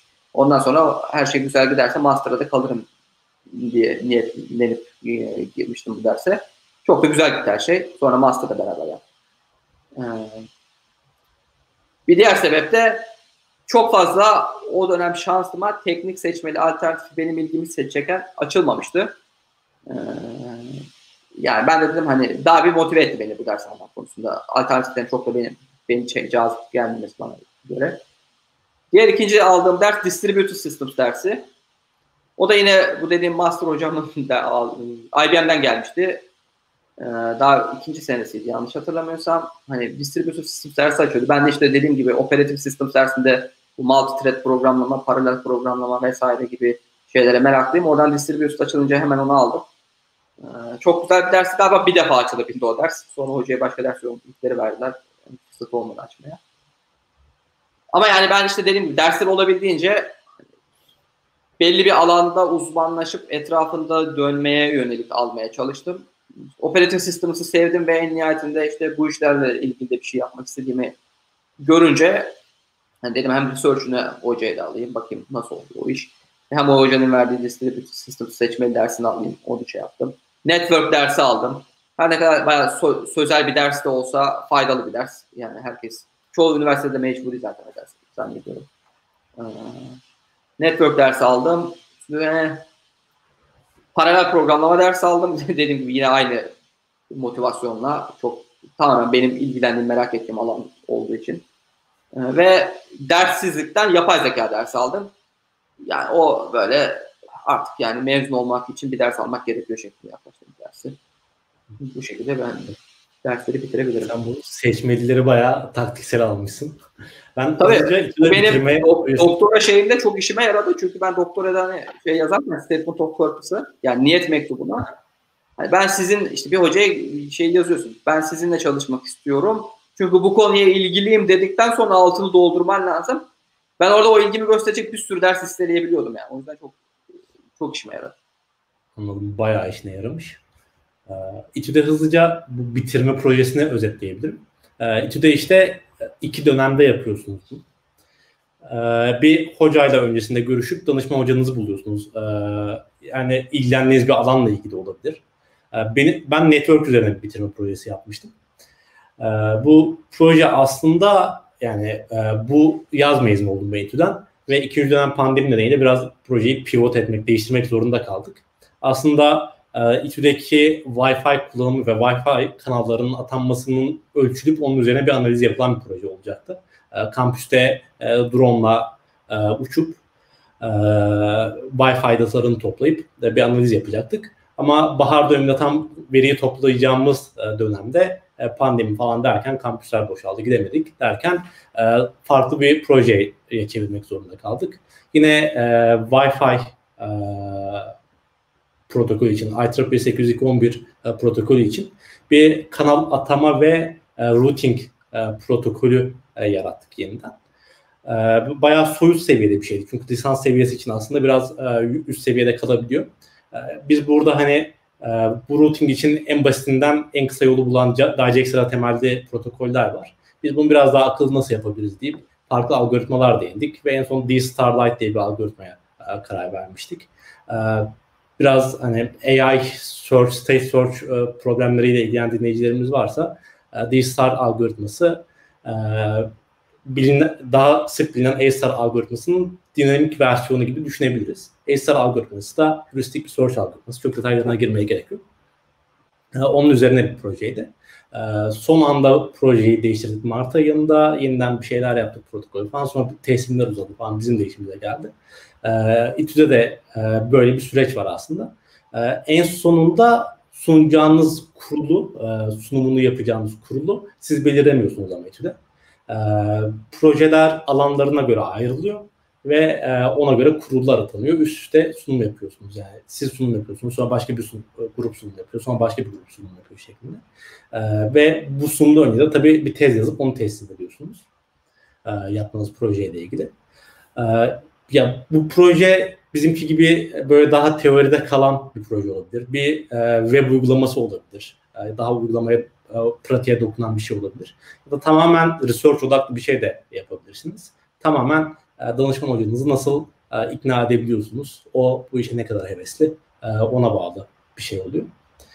E, diğer seçmelilere baktığımız zaman yani benim aldığım seçmelilerde ben ağırlıklı olarak sanırım 3. sınıfın 4. Hmm, sınıfın birinci döneminde e, bayağı seçmeli aldım. Mesela burada ne almıştım? E, Computer Communications aldım. E, bilgisayar haberleşmesi, network dersi. Hatta iki tane ders var İTÜ'de network için. E, biri e, bilgisayar haberleşmesine giriş gibi, diğeri direkt bilgisayar haberleşmesi, Computer, Computer Communications adında bir ders. Biri işte low level'dan e, veri fiziksel ortamda nasıl iletilirden başlayıp e, application level'a kadar gidiyor. Diğeri tam tersinden başlayıp aşağı iniyor. E, application level'dan başlayan ders aslında e, introduction değil, diğer ders, daha detaylı olan ders. Orada biraz daha soket programlama nedir? TCP, IP protokolleri, UDP, e, bu tarz protokollerin üzerine gidiyorsunuz. E, ağırlıklı olarak bu kısımda kaldıktan sonra aşağıya doğru iniyorsunuz. E, giriş dersi olarak e, isimlendirilen derse de e, Principle of Computer Communications olması lazım onun da ismi. işte bahsettiğim gibi fiziksel ortamda veri nasıl iletilir?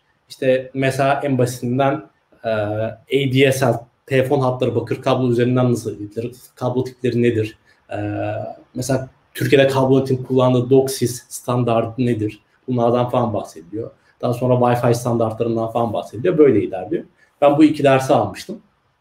Aslında bayağı zevkli dersler. Ee, bir de İTÜ'de şöyle bir durum oluyor. Ee, çok taktiksel ilerleyemeyebiliyorsunuz. Almak istediğiniz dersin kontenjanı dol, dol, dolunca kontenjan arttırımında da alamazsınız dersi ki büyük ihtimalle alamayabiliyorsunuz.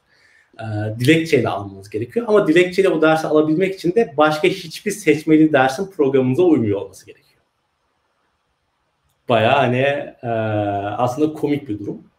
E, yani İTÜ'de çok büyük bir sıkıntı e, ders seçimi. Sabah 10'da e, sistem açılıyor. Anda herkes tıklayıp dersi almaya çalışıyor. O ara sistem çöküyor.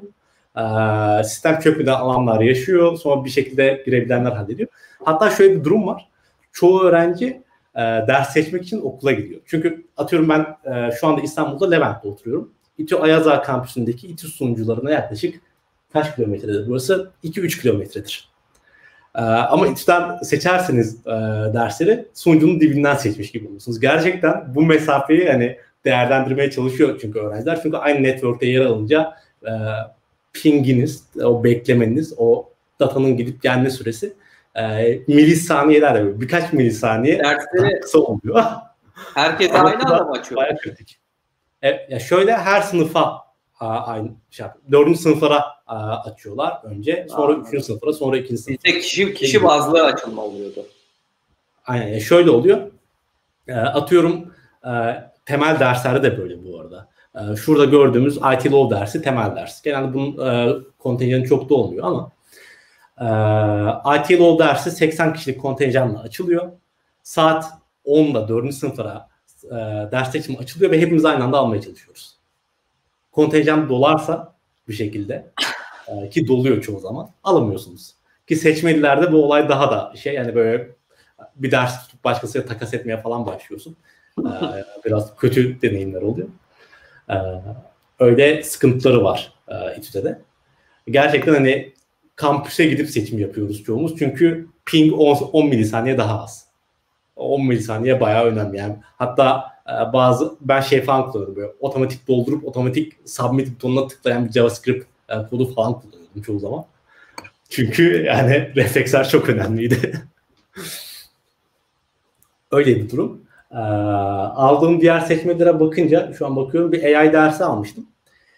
Ee, AI dersi deyince hani modern anlamda yani çoğu insanın aklına machine learning geliyor. İçindeki AI isimli ders, artificial, artificial intelligence isimli ders e, machine learning dersi büyük oranda değil. Bir miktar e, değiniliyor olması lazım son haftalarında ama e, ağırlıklı olarak search, state search üzerine e, detaylanan bir ders. İşte DFS, BFS bayağı detaylı olarak anlatıldıktan sonra heuristic search algoritmaları anlatılıyor. E, constraint satisfaction problem, CSP'ler e, anlatılıyor. Biraz mantık anlatılıyor burada. E, böyle detaylanan bir ders. E, hatta çoğu okulda dünyada sanırım Berkeley'nin kaynakları kullanılıyor. O müfredat kullanılıyor AI derslerinde. Bayağı old school bir AI dersi bu. Ee, bence bayağı zevkliydi. Hani bana kalırsa algoritma 3 gibi bir dersti bu. Ee, algoritma 2 dersinin devamı gibi gördüm. Ben çünkü bayağı graf üzerinde search e, üzerine dönen hani e, bir olayı nasıl duruma göre modelleyebilirsiniz ve bu modellemeler arasında nasıl doğru final state'e ulaşabilirsiniz e, şeklinde aramalar yapıyordunuz grafilerinde. E, bayağı zevkli bir dersti. E, ben, ben inanılmaz sıkılmıştım bu derste ya. Ya projesi falan vardı. Bayağı zevkliydi böyle Pac-Man. E, yani hani yok şöyle dönüp dönüp DFS BFS arkadaş artık gına geldi. evet sen olimpiyatçıydın bir de. Ya, sen yok bir de yani algoritma dersinde de gösteriyorlar. Data structure derslerinde de gösteriyorlar. Ee, ya olimpiyatım olsun olmasın artık dördüncü turdu bana şey yapay zeka dersi. Ve yani DFS, BFS, A-Star geliyordu üstüne. Galiba genetik algoritmaları biraz geliyordu. Ee, yanlış hatırlamıyorsam ama ve evet yani şu an bugün konuştuğumuz yalnız machine learning konseptlerinde de hiç alakası olmayan bir ders. Onu da evet. söylediğin, söylediğin iyi oldu. Yani hiç alakası yoktu. Ya mesela ödevlerden biri şeydi. Pac-Man veriliyor bir tane. E, Python Pygame Framework'te implement edilmişti. Bu e, Pac-Man'in nasıl yol bulacağını biz implement ediyorduk. İşte e, DFS, BFS ve A-Star'la implement edip A-Star'da heuristik bir sonuç algılatması. Farklı parametreler verip e, karşılaştırmasını yapıp bir rapor falan yazıyorduk. E, o kısımlara bayağı zevk almıştım ben. E, o noktada mesela algoritma derslerini e, iyi anlayıp geçen öğrenci kendi bayağı belli ediyordu. Hani böyle e, neden bitmediğini falan o search algoritmasının niye bitmediğini, niye sonlanmadığını çok daha rahat kavrayabiliyordu açıkçası. E, böyle bir dersi. Sonrasında robotik dersi aldım. E, robotik de e, kısmen zevkli, kısmen değil diyebilirim. E, Linux ortamında e, ROS diye bir e, robotik Robotics Operation System diye bir e, aslında operating system üzerinden simülasyonu yapılan bir e, ders bu. Gazebo adında bir simülatör kullanıyorduk. Bu da open source olması lazım. E, böyle meraklı arkadaşlar varsa Google'layıp bakabilir. Turtlebot diye de e, çok standart bilinen bir e, robot var aslında. E, onun simülasyonu üzerinde biz deneme yapıyorduk. Ama yazdığımız kod büyük ihtimalle gerçek bir Turtle botumuz olsaydı onun üzerinde de çalışabilirdi. İşte labirent çözme e, gibi şeyler de başlıyordu. Olay sonra çizgi takip etme, ışığa yönelme tarzı şeyler e, kodluyorduk. E, proje ödevi vardı bu dersin. İşte proje ödevinde e, tamamen size kalmıştı.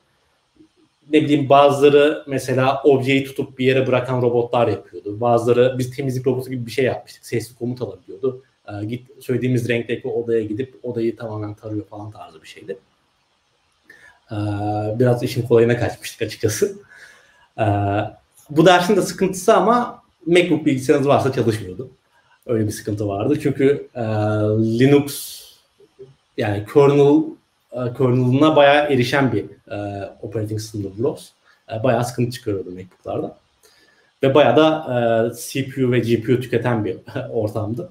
O yüzden biraz sıkıntılar yaşayabiliyordunuz derse. Hadi alacak arkadaşlar varsa mutlaka bir önceki sene alanlarda konuşsun durum ne derse falan. E, bir şekilde e, baksın. Bence her okul için geçerli bu. E, dersi bir önceki yıl, bir önceki dönem alan arkadaşlarınızla konuşup bu derste ne oluyor konuşmak bence çok önemli. E, gerçekten gördüğünüz gibi olmuyor ders bazen. Aldığım diğer seçmelilerde mesela çok zevk aldığım bir ders vardı diyeyim. Technology and Innovation Management diye. Biraz daha bu bahsettiğim software engineering dersine benziyordu ama ürünü yapmıyordunuz, kodlamıyordunuz.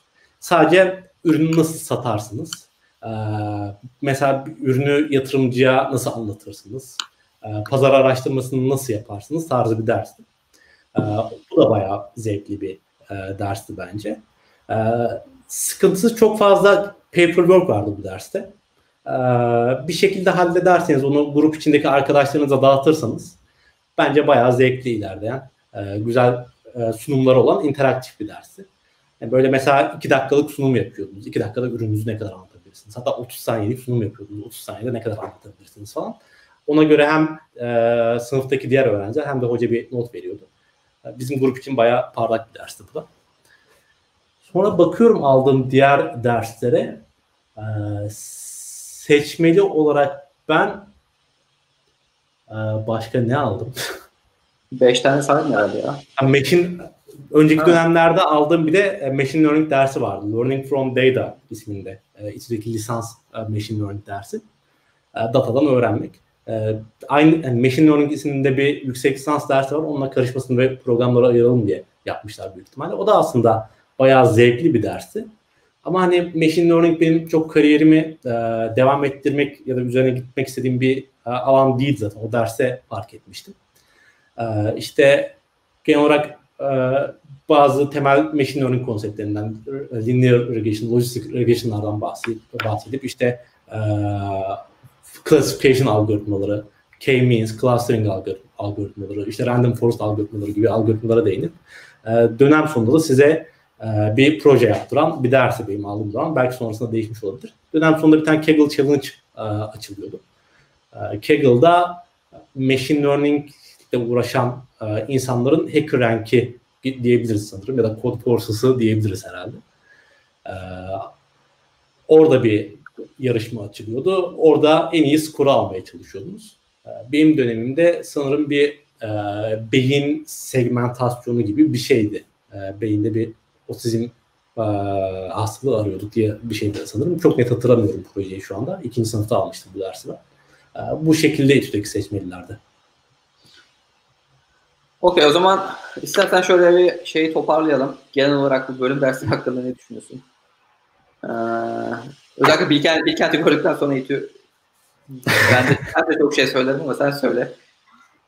Ya şöyle e, bence ya, en azından ben 2015'te İTÜ'ye e, başladım. O zaman çok araştırıp gelmemiştim. Yani şu an bence daha fazla kaynak var. E, yani herhangi bir İTÜ'ye ulaşmak daha kolay. Bence öncesinde gideceğiniz okulla ilgili en azından o okulda okuyan kişiler, yakın zamanda mezun olmuş kişilerle falan bir konuşun. E, İTÜ'nün en büyük eksi belki de bu e, elektronik derslerin gerçekten çok zaman alması. Onun dışında da gerçekten zaman alıcı bir program olması. E, GPA konularına değiniriz. E, İTÜ'de çoğu zaman gerçekten hani çok başarılı, çok iyi GPA yapan insanlar da var. Ama çoğu zaman verdiğiniz emekle aldığınız GPA çok lineer olmayabiliyor. E, o yüzden hani mesela ben kendi adıma e, akademik olarak çok parlak görmemiştim geleceğimi. Ve o yüzden hani ikinci sınıfın ikinci döneminde e, bir startup'ta çalışmaya başlamıştım. Bir buçuk yıl orada çalıştım. Sonra bir süre ara verip okuldaki dersleri toparladım. E, bir 10 ders falan almıştım bir dönem içinde falan. Sonrasında tekrar e, şu an çalıştığım şirkette çalışmaya başladım. Ya, İTÜ'nün avantajı İTÜ Teknokent size çok yakın. E, bir startup ekosistemi görebiliyorsunuz. E, o tarz e, pozitif yanları var. Tabii ki onları konuşabiliriz ama ders programı olarak baktığınızda gerçekten bence yoğun bir program var.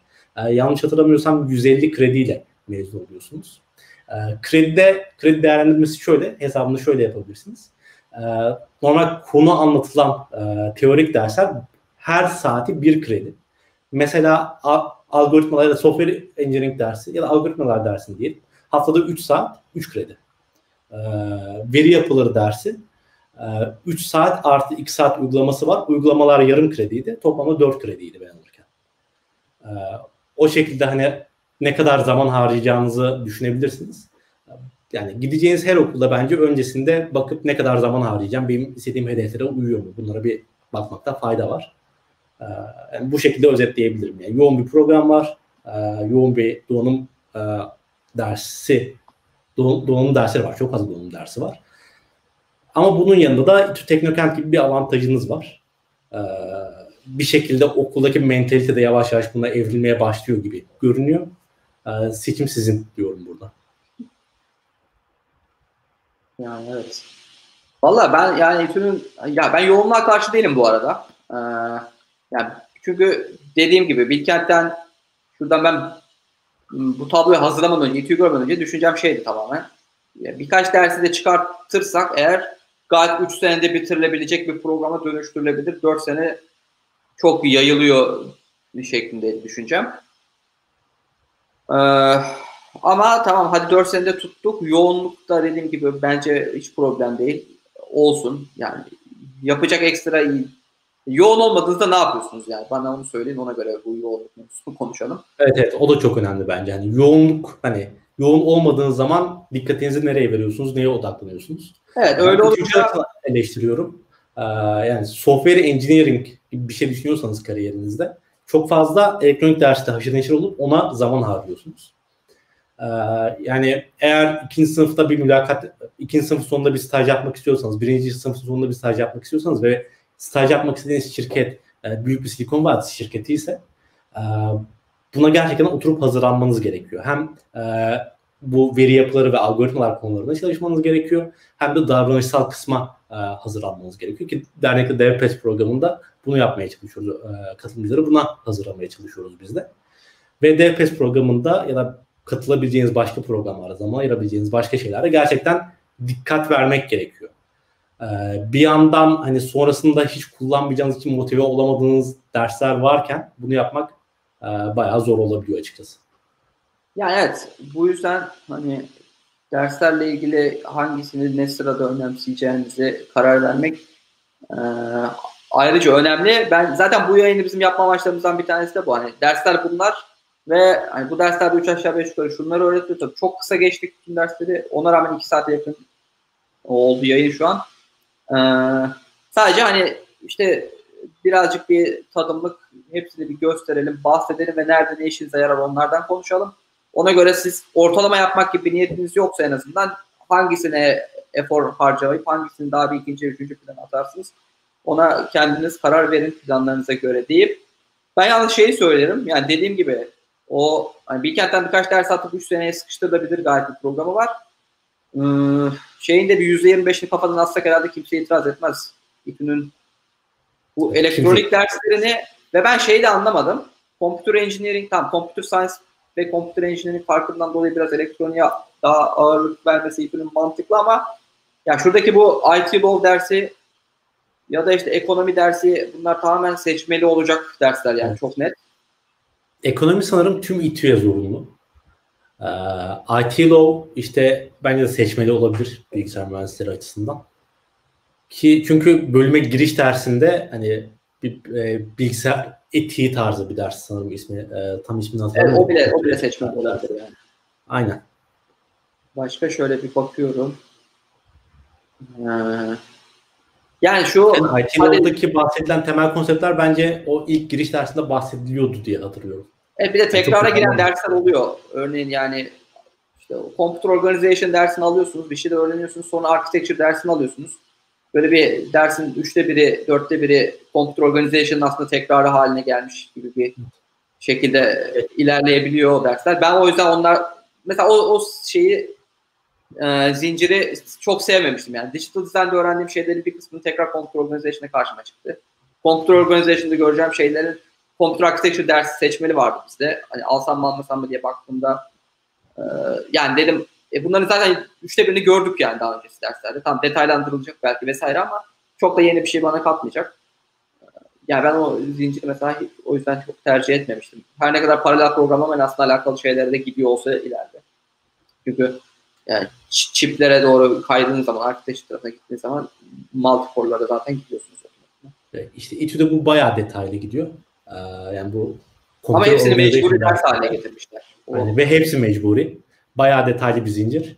Ee, yani Computer Organization dersinde e, bayağı bir simülatörde hem memoriyi hem CPU'yu o aradaki yolları işte e, yani bu bus diye kısaltılıyor işte o e, datanın attığı e, yolları falan teker teker o kabloları çizerek e, implement ediyorduk.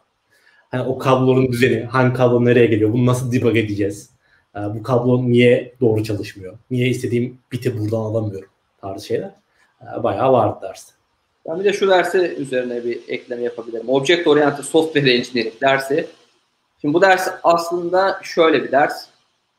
Ee, ya bu Baya önemli bir ders ama lisans programında ne derece hakkı veriliyor, verilebilir ondan emin değilim. Çünkü mantığı birazcık daha hani bir uygulama nasıl geliştirilir ve bu uygulamayla ilgili o design pattern dediğimiz şeyler yani olay örgüler onların ortaya çıkışta şöyledir yani herkes 3 aşağı 5 yukarı aynı problemlerle uğraştığı için yazılım camiasında Artık demişler ki şöylesi bir şeye de böyle bir çözüm izleyelim, böylesi bir problemde böyle bir çözüm izleyelim diye belli metodlar geliştirilmiş. Şimdi ama sen bunu öğrenciyken şeyi göremiyorsun. Sen o problemlere o, o kadar yeterince maruz kalmadığın için hani o çözümlerin ne kadar değerli olduğunu anlayamıyorsun yani şeyde. Ee, evet. Yani object oriented dersinde. İTÜ'de mesela bu da seçmeli. İTÜ'de seçmelerin arasında ben almamıştım ama içeriğini bayağı biliyorum sanırım. E, Object Oriented Modeling and Design adında bir e, ders olması lazım. İşte orada işte design patterns'lar, e, design, design pattern'lardan bahsediliyor. E, genel olarak class diyagramlar, bir hani uygulamanın nasıl object oriented tasarlanır. Bunlardan bayağı bahsediliyordu. Yani bu seçmeli olmasından ya da üçüncü sınıfta verilmesinden ziyade ben bunun aslında dördüncü sınıfta proje dersinin ilk aşamasıyla böyle bir raporu hazırlarken beraber gitmesi gerekse gitse falan daha böyle hani iyi olabilir gibi düşünüyorum ama emin de değilim. Neyse velhasıl burada şeyi bitirebiliriz artık. Çok bile uzattık belki. Hmm, ders mevzusunu. Şimdi ortalama konusunu konuşalım. Ben mi başlayayım, sen mi başlarsın? İstersen sen başla. Tamam şimdi biraz... böyle gizem yapmayayım. Direkt ben ortalamamı da söyleyeyim. 3.41 ile ben mezun oldum Bilkent'ten. Bölüm yedincisiydim. Bu bölüm Kaç yedi... mezun olmuştun? Mezuniyet noktasında Bilkent öyle şey değil, bir üniversite değil. Ee, mezun olması yani düşük ortalamayla da olsa mezun ediyor öğrenci. Yani işte şey, o bölüm kaç kişiydi hani? 100, 150 kişi. Yani. Her sene 150 kişi girer. O civarda da hani Hı. alttan kalanlar, senin döneminden dökülenler, üstten gelenler vesaire. Hı. Ortalamada 150 kişi de çıkar yani. Hı. Ee, işte bölüm yedincisi için diğer üst dönemlerime, alt dönemlerime göre bölüm yedincisi olarak ortalamam düşüktü. Bizim dönemde bir şekilde ortalamalar düşük. Yani hocaların ya böyle şeyine denk geldik ee, yani bazı derslerde şeyi hatırlıyorum. Yani ortalamalar bile Türkiye'de, şimdi ben Amerika'ya da gelip burada doktorayı yaptığım zaman asistanlık vesaire de yaptım, şeyi de gördüm. Bunu da çok net söyleyeyim. Türkiye'de ortalamalar gereksiz düşürülüyor okulda hocalar tarafından. Böyle benim dersimden A almak kolay değil, bir gurur kaynağı gibi övünç kaynağı oluyor. Bazı hocalar böyle bunu övünüyorlar niyeyse. Ee, yani çok net bir şekilde hiç gerek yok. Niye böyle bir şey yapıyorsunuz? Bu derste bu not almak kolay değilse sen mi öğretemiyorsun? Ee, yani bir şekilde öğretemiyorsun ya da elinin ayarı yok sınavı çok zor yapıyorsun. Ya da süreyi ben az veriyorsun. Mezun olduğum net konuşabilirim bu konuda. Yayından önce sana da atmıştım not dağılımını.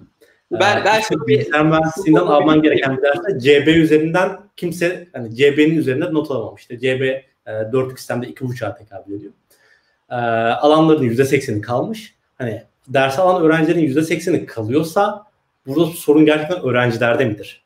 Ve en yani yüksek evet, nokta şöyle bir şey öğrencilerde midir yani? Mesela İTÜ'de de benzer kapasite 100-150 öğrenci aldığını düşünüyorum. Bilkent de öyleydi.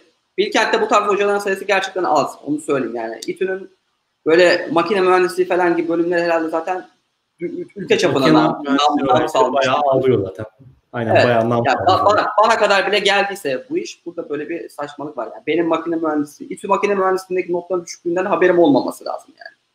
Zaten böyle bir durum olması lazım, benim de haberim olmaması lazım. Neyse. Bir diğer konu yani işte dediğim gibi ya hoca öğretemiyor ya sınavı çok zor yapıyor. Yani öğrettiğinden daha zor yapıyor. Sınavın zor olmasında hiçbir sıkıntı yok. Ama öğretmen lazım. Ee, Bak mesela işte ideal bir sınavdan yüzde kaç öğrenci geçmeli? Yani bu iş böyle bir yüzde şu kadar öğrenci geçmeli, bu kadar öğrenci kalmalı soru geldiği için olarak cevap veriyorum. Böyle bir şey olması bence çok mantıksız. Belli bir şunları şu kadar öğrenmiş öğrenci geçmeli. Kaç öğrenci geçiyorsa geçsin. E, gerekirse hepsi geçsin. Gerekirse hepsi A alsın. Yani o dönem herkes çok çılgın gibi çalışmış ve bütün konuları öğrenmiş olabilir. Böyle bir oranlarla hareket etmek çok anlamsız. Evet, ya mesela İTÜ'de birinci sınıfın ikinci dönemi C dersi. İlk kez doğru düzgün, yani ilk dönem alınan Python dışında e, ilk kez kodlanılan ders. Irregular öğrencilerin aldığı ilk programlama dersi. O ders alan öğrencilerden %70'i kaldı. E, ben geçen şanslı tayfalaştım. E, BA ile geçmişim sanırım. Ya şimdi bakınca ilk kez kod yazıyorsunuz ve bölümün %70'i kalıyor. Ben hatırlıyorum bölümün vizesinde, e, şey dersin vizesinde ben 38 aldım sanırım vizeden ve 3. ya da 4. Ee, normalde vizeden 20'nin altında sanırım 20'nin altında evet 20'nin altında alınca finale girebiliyordunuz. Bu barajı kaldırmak zorunda kaldılar. Çünkü bölümün yarısından çoğu 20'nin altında almıştı. 100 üzerinden bu notlar arkadaşlar. Yani. Ya evet bizde Ve, de işte sinyal dersinde şey olayı oluyordu. Hoca benim bu dönem A'ya hak eden öğrencim olmadı diye kimseye A vermedi. Böyle bir kişiye A eksi verdi. Ondan sonra ben de böyle CB falan aldım. En düşük aldığım teknik derste odur yani. Hani Aynen. Ama ya bakınca mesela şey de var dersin. Ne gerek var böyle şeyler? %70 niye bıraktın ki birinci sınıfın ikinci döneminde ilk kez doğru düzgün kod yazdığı ders öğrencilerin? Artık bakıyorsun yani hani o noktadan sonra karar değiştiren çok fazla öğrenci oluyor. Ve ben net hatırlıyorum. Bu arada hani bu tarz derslerde İTÜ'de tüm programlama derslerinde sınavlarda kağıda yazıyorsunuz. Ee, bildiğiniz kurşun kalemle falan. Bazı okullarda öyle bazılarında bilgisayarda yazıyorsunuz falan. O çok kritik değil bence. Hiç önemli değil dersin vize sorusunda böyle recursive güzel bir backpropagation sorusu vardı. Yani birinci sınıf bir öğrenciye bunu sormak bence bayağı acımasızlık. Ee, gerçekten zor bir soruydu. Ee, ben hani doğru düzgün çözebildiğimi çözememiştim zaten. Doğru düzgün puan alamamıştım o sorudan. Doğru düzgün puan alabilen de yoktu. Sanırım olimpiyatçı bir arkadaş vardı sadece doğru düzgün puan alabilen o sorudan. Ee, çünkü yani hani tahminen böyle rastgele bir e, bilgisayar mühendisliği mezununa sorduğunuz zaman Türkiye'deki üniversitelerden mezun olmuş bilgisayar mühendisliği mezunu o soruyu sorsanız e, bir buçuk saatlik sınavda geri kalan üç soruyla beraber cevaplayamaz. Yapamaz. Çünkü evet. yani hani ne yapıyorsunuz falan diyebilirim o soruyla ilgili. Yani evet, buradaki mantığı ben anlamıyorum şeyler. Ha. Hani ben de asistanlığımda notu 40 bir asistandım ama yine de hani bu özellikle no, şey not kıtlıkla mesela düşük ver tamam 40 alsın sınavdan ama 40 aldı diye adama D verirsen, kimseye A vermezsen, kimseye B vermezsen yani bu iş olmaz yani. En yüksek evet. alan adam 40'sa da sen artık bir şeyler oturup sorgulaman lazım. Benim en iyi öğrencim niye 40 alabiliyor? Ben neyi yanlış yaptım diye hocaların da biraz kendine burada bakması gerekiyor yani şeyde. Çünkü 150 kişinin 150'sinde kötü olmasındansa hocanın o dönem böyle bir elin ayarının kaçması daha iyi olası. Birazcık o tarafa Kesinlikle. şey yapmak lazım. Ya hani bir olasılık dersinde CB 4 üzerinden 2.5'tan daha fazla alabilen öğrenci olmadı mı? En iyi öğrenci bunu mu aldı bu derste? Yani böyle sıkıntılar var gerçekten. Ve yani bakınca da artık özellikle bilgisayar mühendisliği gibi bölümlerde öğrenciler bir şekilde yurt dışında master yapmak istiyor. Daha global olmaya başladık. Yani e, atıyorum iyi bir üniversite, Amerika'da iyi bir üniversite master doktoraya başvuracaksa e, tahminen Türkiye'nin iyi üniversiteleri e, çok da bilinmiyor. Hani ne kadar bilebilirsiniz ki?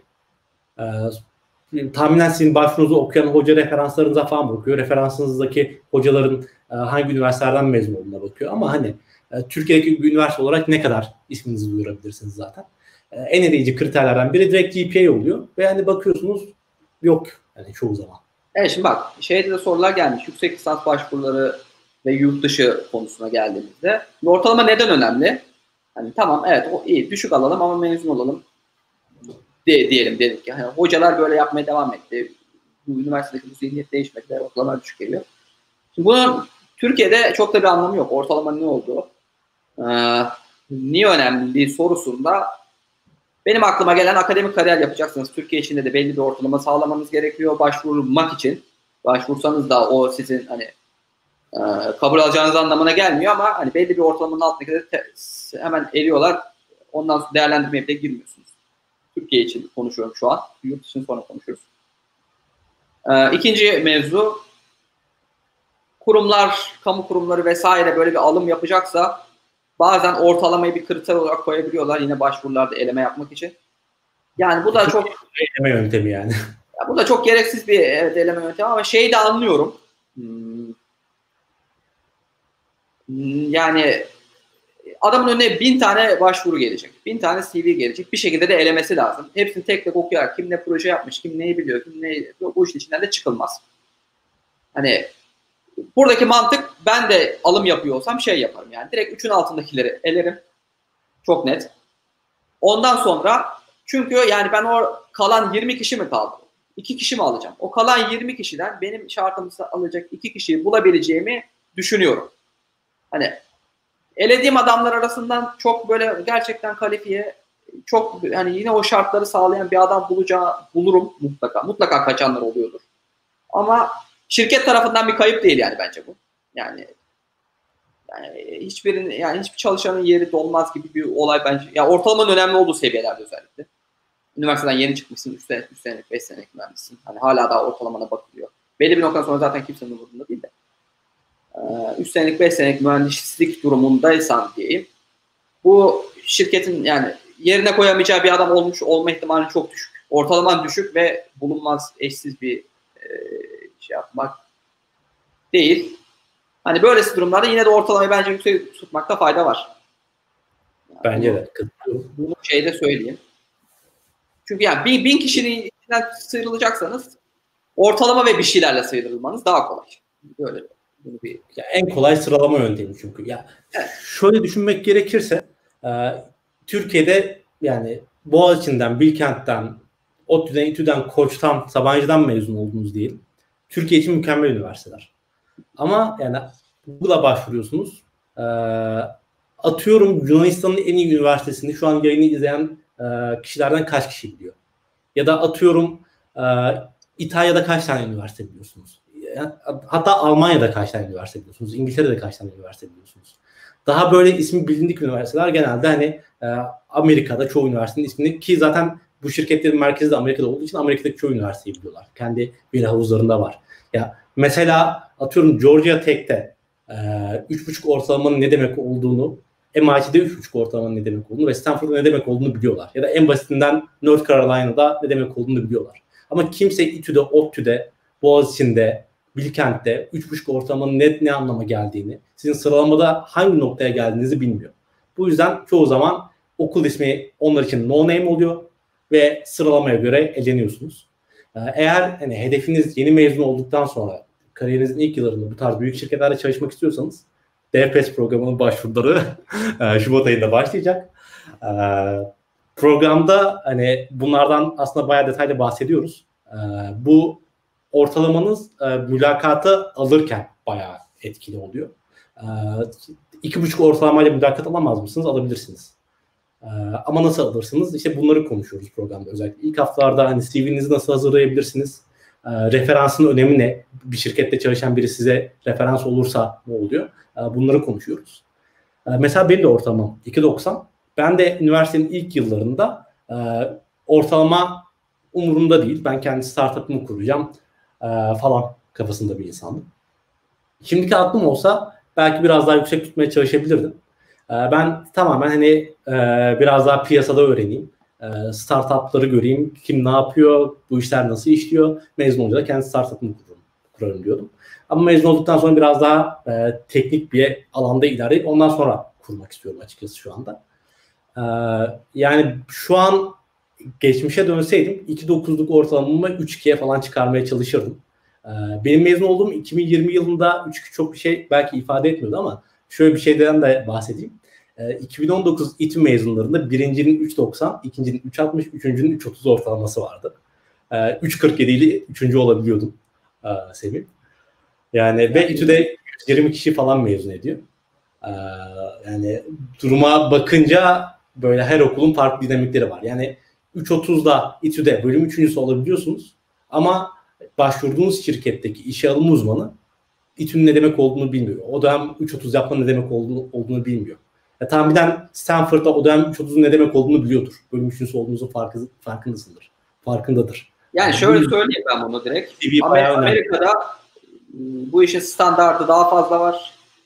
Üniversiteler arasında da yani hani 4-0 öğrencilerin sayısı 4-0 çok büyük bir olay değil zaten. Amerika'da bir sürü öğrenci var. 3,5 üzeri onlarca öğrenci var. Ee, şimdi mesela örneğin yani filmlerden bahsedeyim tamam mı? Filmlerde böyle bir çılgın dahiden bahsedildiğinde 4-0 ve bir sürü bir şey sayarlar yani. Adamın 4-0 ortalaması vardır ve bir sürü bir şey vardır. Oradaki aslında en lüzumsuz, en böyle az etkili olan şey 4-0 ortalamadır. Çünkü herkes 4-0 yapar. Yani ekstra şeylere burada o yüzden odaklanılır. Şimdi ama Türkiye'ye geldiğinde ortalamadan yapmaktan hakikaten insanlar başında kaldıramıyor bazı noktalarda, bazı derslerde. Ee, belli bir ortalamayı sağlayayım diye. Ve bu yani en kötüsü Türkiye'ye de zararlı, öğrenciye de zararlı, hocanın kendisine de zararlı. Yani hocanın Türkiye akademisi için söylüyorum. Düşük bir öğrenciye yurt dışına başvuru yapması çok zor. Yani başvuru yapan çoğu zaman ön koşul 3 oluyor ve tercih edilen preferred qualification'larda 3.5 e, üzeri diye belirtiyor. Tabii yani burada şeyde şi, okulların zaten başvuru şeylerinde yazar. Top okullar zaten 3.5'tur onlarda şey. Direkt yani 3.5'un altına almayız falan derler. TOEFL neredeyse full şey TOEFL'ı diyorum. GRE'nin işte doktora başvuracaksanız GRE'yi full'a yakın almanız lazım. TOEFL'dan belli bir sonuç almanız lazım. Ve dediğim gibi deminki senaryoya geliyoruz yani. Bin tane başvuru gelmiş okuldaki sekreterin önüne doktora başvurusu için 20 e, tane adam alacaklar. Şimdi bu 20'yi en kolay elemenin işte 3 tane metrik yani. E, ortalamadan ele, şeyden ele, öbür taraftan ele 50 tane önümde kaldı mı? Bu 50 taneden ben 20'yi seçerim mantığında zaten hareket ediyor. Bunu niye, Aynen. öğrenciye niye zararlı? E, yurt dışına gidemiyor adam. Yani gitmek istiyor, doktora şey yapıyor. Kendi okulunda ortalaması düşmüş ama aslında o okulun en çalışkan öğrencilerinden bir tanesi. Yurt dışına gitse çok çok başarılı olabilecek bir tane bir öğrenci. Ama işte bu ortalama mevzusundan dolayı gidemiyor. Birinci öğrenci sıkıntısı bu. İşte Türkiye sıkıntısı ne? E, biz yani ilk 500'e bazen 3 tane 5 tane üniversite sokabiliyoruz. Bazen sokamıyoruz. O listeler yapılıyor. Yani üniversite sıralama listeleri. Şimdi ben Türkiye'deki insanlar buralara gelecek, o ilk 500'deki üniversitelere gidecek, görecek ki dönüp Türkiye'de neyi nasıl yapması gerektiğini uygulayacak. Ondan sonra bizim üniversitede 300'e 500'e gireceklerse girecekler. E şimdi sen adamı gönderemediğin için kendi üniversitende kendi yağında kavruluyor yani. Burada biz körler sarlar birbirimize ağırlara dönüyor, dönüyoruz. E, ülkedeki üniversitelerin içinde kendisi içerisinde faydalı değil. Üçüncüsü hocaların da kendisine kariyer anlamında zararı var. E niye? Çünkü ben şeye gittiğim zaman bak mesela benim bazı okullarda Bilkentli daha önce öğrenciler geldiği için buraya Bilkentli şeyleri tanıyorlar bu e, buradaki okullar. Yani benim mesela bana doktora başvurduğumda şeyler dönmüşlerdi. Evet ben Bilkent öğrencilerle daha önce çalıştım. Bilkent'i biliyorum ve e, senle de çalışmak isterim. Bak işte Türk öğrenciler de var okulumuzda şöyledir böyledir bilmem ne. Adam daha sıcak şehre yaklaşıyor. Benim üzerimden hocalar da aslında buradaki hocalarla, okullarla network kurmuş olabiliyor. Mesela Bilkentli hocaların çok zaten doktorlarını Bilkent yurt dışında yapmış olmalarını ister hocaların. Türk, Türkiye'de doktorasını yapan bir iki öğrenci var.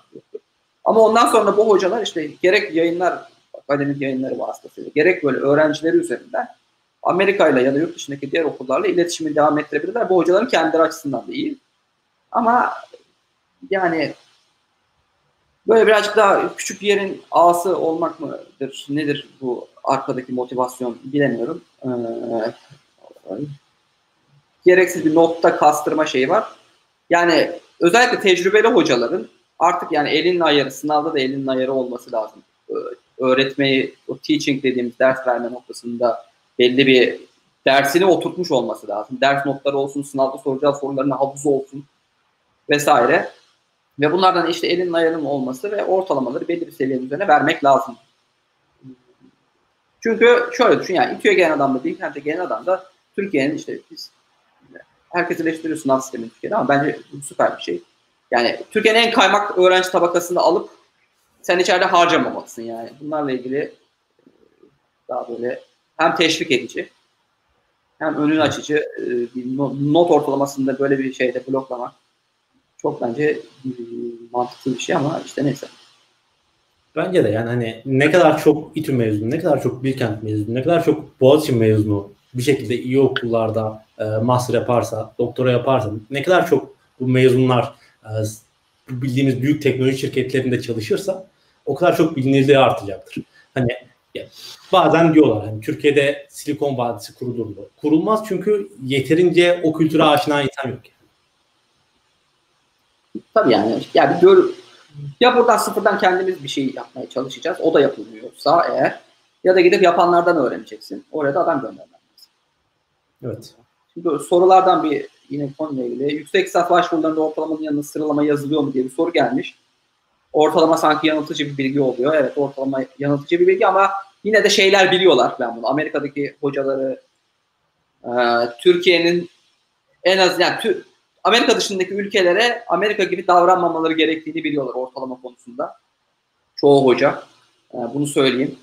Yani işte ortalamalar Amerika'da çok kolay. Mesela ya Asyalılar da biliyor yani şeylerini. Hintliler de biliyor.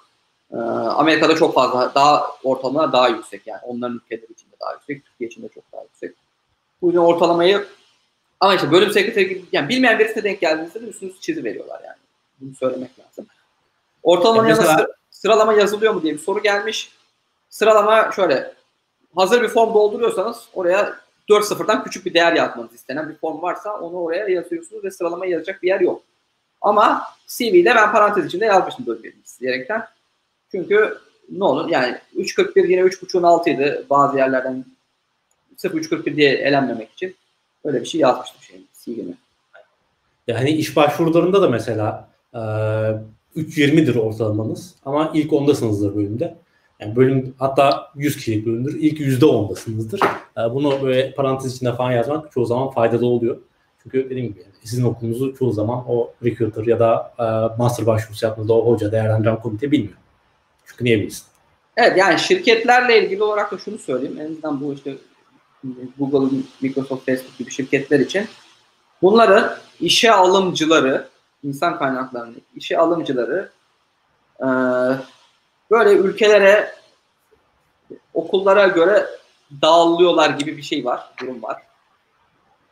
Yani Bilkent'e az buçuk öğrenciler örneğin. Bilkent'teki öğrencilere mail atıyor rekruterlar, işte işe alımcılar. Ben de 3. sınıftayken bana öyle bir mail gelmişti, mülakata vesaire girmiştim. Ee, şimdi Türkiye'deki iyi üniversitelerin bu yüzden böyle bir şansı var. Yani öğrenciler gittikçe işte yani İTÜ de orada biliniyor. Bu işe alımcılar artık senin okulunu biliyorlar ve ortalamanı önemsememeyi de öğreniyorlar. Büyük şirketlerde çünkü çünkü adam görmüş yani. E, bize bir sürü İTÜ'lü geliyor. Hepsi çatı cayır cayır mühendis. Süper kodunu da yazıyor. işi de yapıyor. E, ondan daha bir İTÜ'lülere daha bir değişik bir bakalım bakalım ne var burada diye. Yani işe alımcılar geliyorlar. O yüzden çok bir şeyde sıkıntı yok büyük şirketler açısından. Ama tabii küçük şeylere baktıysan e, yani şuna cevap vermen lazım. Hadi diyelim ortalamayı yapamadınız. Tamam ama ortalamayı yapalım mı yapmayalım mı bir de şey muhabbeti de hep vardır. Bak yine alaylı yazılımcılar geldi. Adamlar okul okul bile okumamış ama piyasada iş yapıyorlar. E, benim ortalamam düşük ben yapamayacak mıyım gibi bir ben bir soru gelebilir. Çok normal. Evet. Ee, şimdi burada ya ortalama yapmadın. Niye yapmadın? Ortalama yapmazken ne yaptın? Bence buna cevap vermek lazım. Bence de kesinlikle. Ya burada hani çoğu şirket şeye bakıyor hani e, ortalama bir kriter çünkü e, sizin bir şeye odaklanıp bir amaçla çalışıp bir şey de başarılı olduğunuzu en numerik olarak kanıtlayabilen kriter. Çünkü bakıyor okey yani okuluna ağırlık vermiş ve iyi bir ortalama yapmış. Demek ki çalışabiliyor, odaklanabiliyor ve bir şey başarabiliyor. Ama ortalamanız düşükken ne yaptığınızı gösterebiliyorsanız bence bu da kabul edilebilir bir şey. E, bu ne olabilir? İşte bir şekilde e, yaptığınız projeler olabilir. Part time, full time bir şekilde çalışmanız varsa olabilir. Satmanız varsa olabilir. E, okuldaki kulüplerde e, ya da bir şekilde dışarıdaki derneklerde özellikle bölümünüzle ilgili e, alanınızla ilgili bir şeyler yapıyorsanız bu olabilir. E, bu bayağı hani kanıtlayabildiğiniz sürece aslında akademik kısmı e, bir kenara bırakıyorum. E, sektör için kanıtlayabildiğiniz sürece ortalamanızın düşüklüğü çok da büyük problem değil. Evet yani sektörde bu şey değil. Sektör hatta ortalamadan ziyade liseden bizi izleyen öğrenciler varsa hani üniversiteye gidip ortalama yapsınlar. Evet ama lisedelerse de olabildiğince üniversite sınavına çalışıp iyi bir üniversiteye gitmeye çalışsınlar. Üniversite etiketi ilk etiket ortalamadan ziyade üniversite etiketi oluyor daha çok benim gördüğüm. Ee, yani iyi bir üniversitedeki düşük ortalamalı adamı bir tık daha düşük kötü üniversiteden iyi ortalamalı adama tercih ediyorlar. İşte İngilizce mevzusuna zaten girdik. Bu yüzden yani bir de ortalama düşükse de şuna da bakmak lazım. Yani oturup insanlar sizin transkriptinize tabii bakmaz ama diyelim ki baktı. Ben bakarım yani öyle bir imkanım baktım varsa şeyde. Bu ortalamanızı düşüren dersler hangi dersler? Ortalamanızı yükselten dersler hangi dersler? Bu önemli bir ayrım. Mesela bizim bu tablolarda yeşille yaptığımız dersler e, yani bunlardan e, ortalamanızı bunlar düşürüyorsa siz demek ki çok da o kadar yani aslında ortalama sizin bilgisayar mühendisliği dersleri üzerinde baktığımızda olduğundan da daha düşük demektir. Sizin ortalamanızı yükselten ders tarih dersi ise, biyoloji dersi ise olmaz yani. Bunu, bunu çok net söyleyelim. Ee, en azından şöyle diyebilirsiniz mülakata girdiğinizde. Ya ortalama senin niye düşük diye bir soru gelirse hani iyi gözüküyor biliyorum bir sürü iş yapmışsın ama ortalaman niye düşük diye bir soru geldiğinde şunu çok net söyleyebilirim. Ya benim ortalamam düşük ama bunlar teknik derslerden dolayı değil işte şu derslerden dolayı düşük. Onlara da ben hani ilgilenmedim. İşte şöyle oldu elektrikler gitti sular kesildi bir şeyler bahaneniz varsa ya da ilgilenmedim bile bence gayet iyi bir bahane yani. Elektronik dersleriyle ben ilgilenmedim çünkü ben hiç elektronik yapmak istemiyorum. Yani bir türlü gayet bunu söyleyebilirim Aynen. yani. Aynen. Ya işte bunu neden yapmadınız, neden düşük olduğunu böyle nedenleriyle sunabiliyorsunuz. Çünkü bu yüzden diyebiliyorsanız okey çok güzel. Evet yani. Ama işte dediğim gibi. O zaman şey konusunda hani referansınız oraya var. gelmesi lazım. Evet, referans oraya gelecek, evet. adam seni karşısına alacak. Ondan sonra bu soruyu soracağın cevabı bu. Ama o oraya adamın karşısına gelmek Aynen. Çünkü büyük ihtimalle non-name bir üniversite olarak görecekler. Türkiye'deki çoğu üniversiteyi. Ee, ve e, ne olacak? Hani puan ortalamasına göre elendiğinde 3 ortalamayla, 3.20 ortalamayla büyük ihtimalle bayağı aşağıda kalacaksınız. Şimdi Bu yüzden DPS. son Aşağıya alalım. bırakırız falan diyormuş. Bir 10 dakika daha sonra yapıp kapatalım. 2,5 saate çıkacağız çünkü. Evet, Ee, Bilgisayar mühendisliği tercih edecek bir öğrenci gideceği okulda hangi derslerin olmasına olmamasına dikkat etmeli diye bir soru gelmiş. Şimdi ben şöyle şey yapayım. Öncelikle iyi okullar belli. Tekrar tekrar saymaya gerek yok. Dersten bağımsız. Hani senin puanın İTÜ'ye yetiyorsa İTÜ'ye git.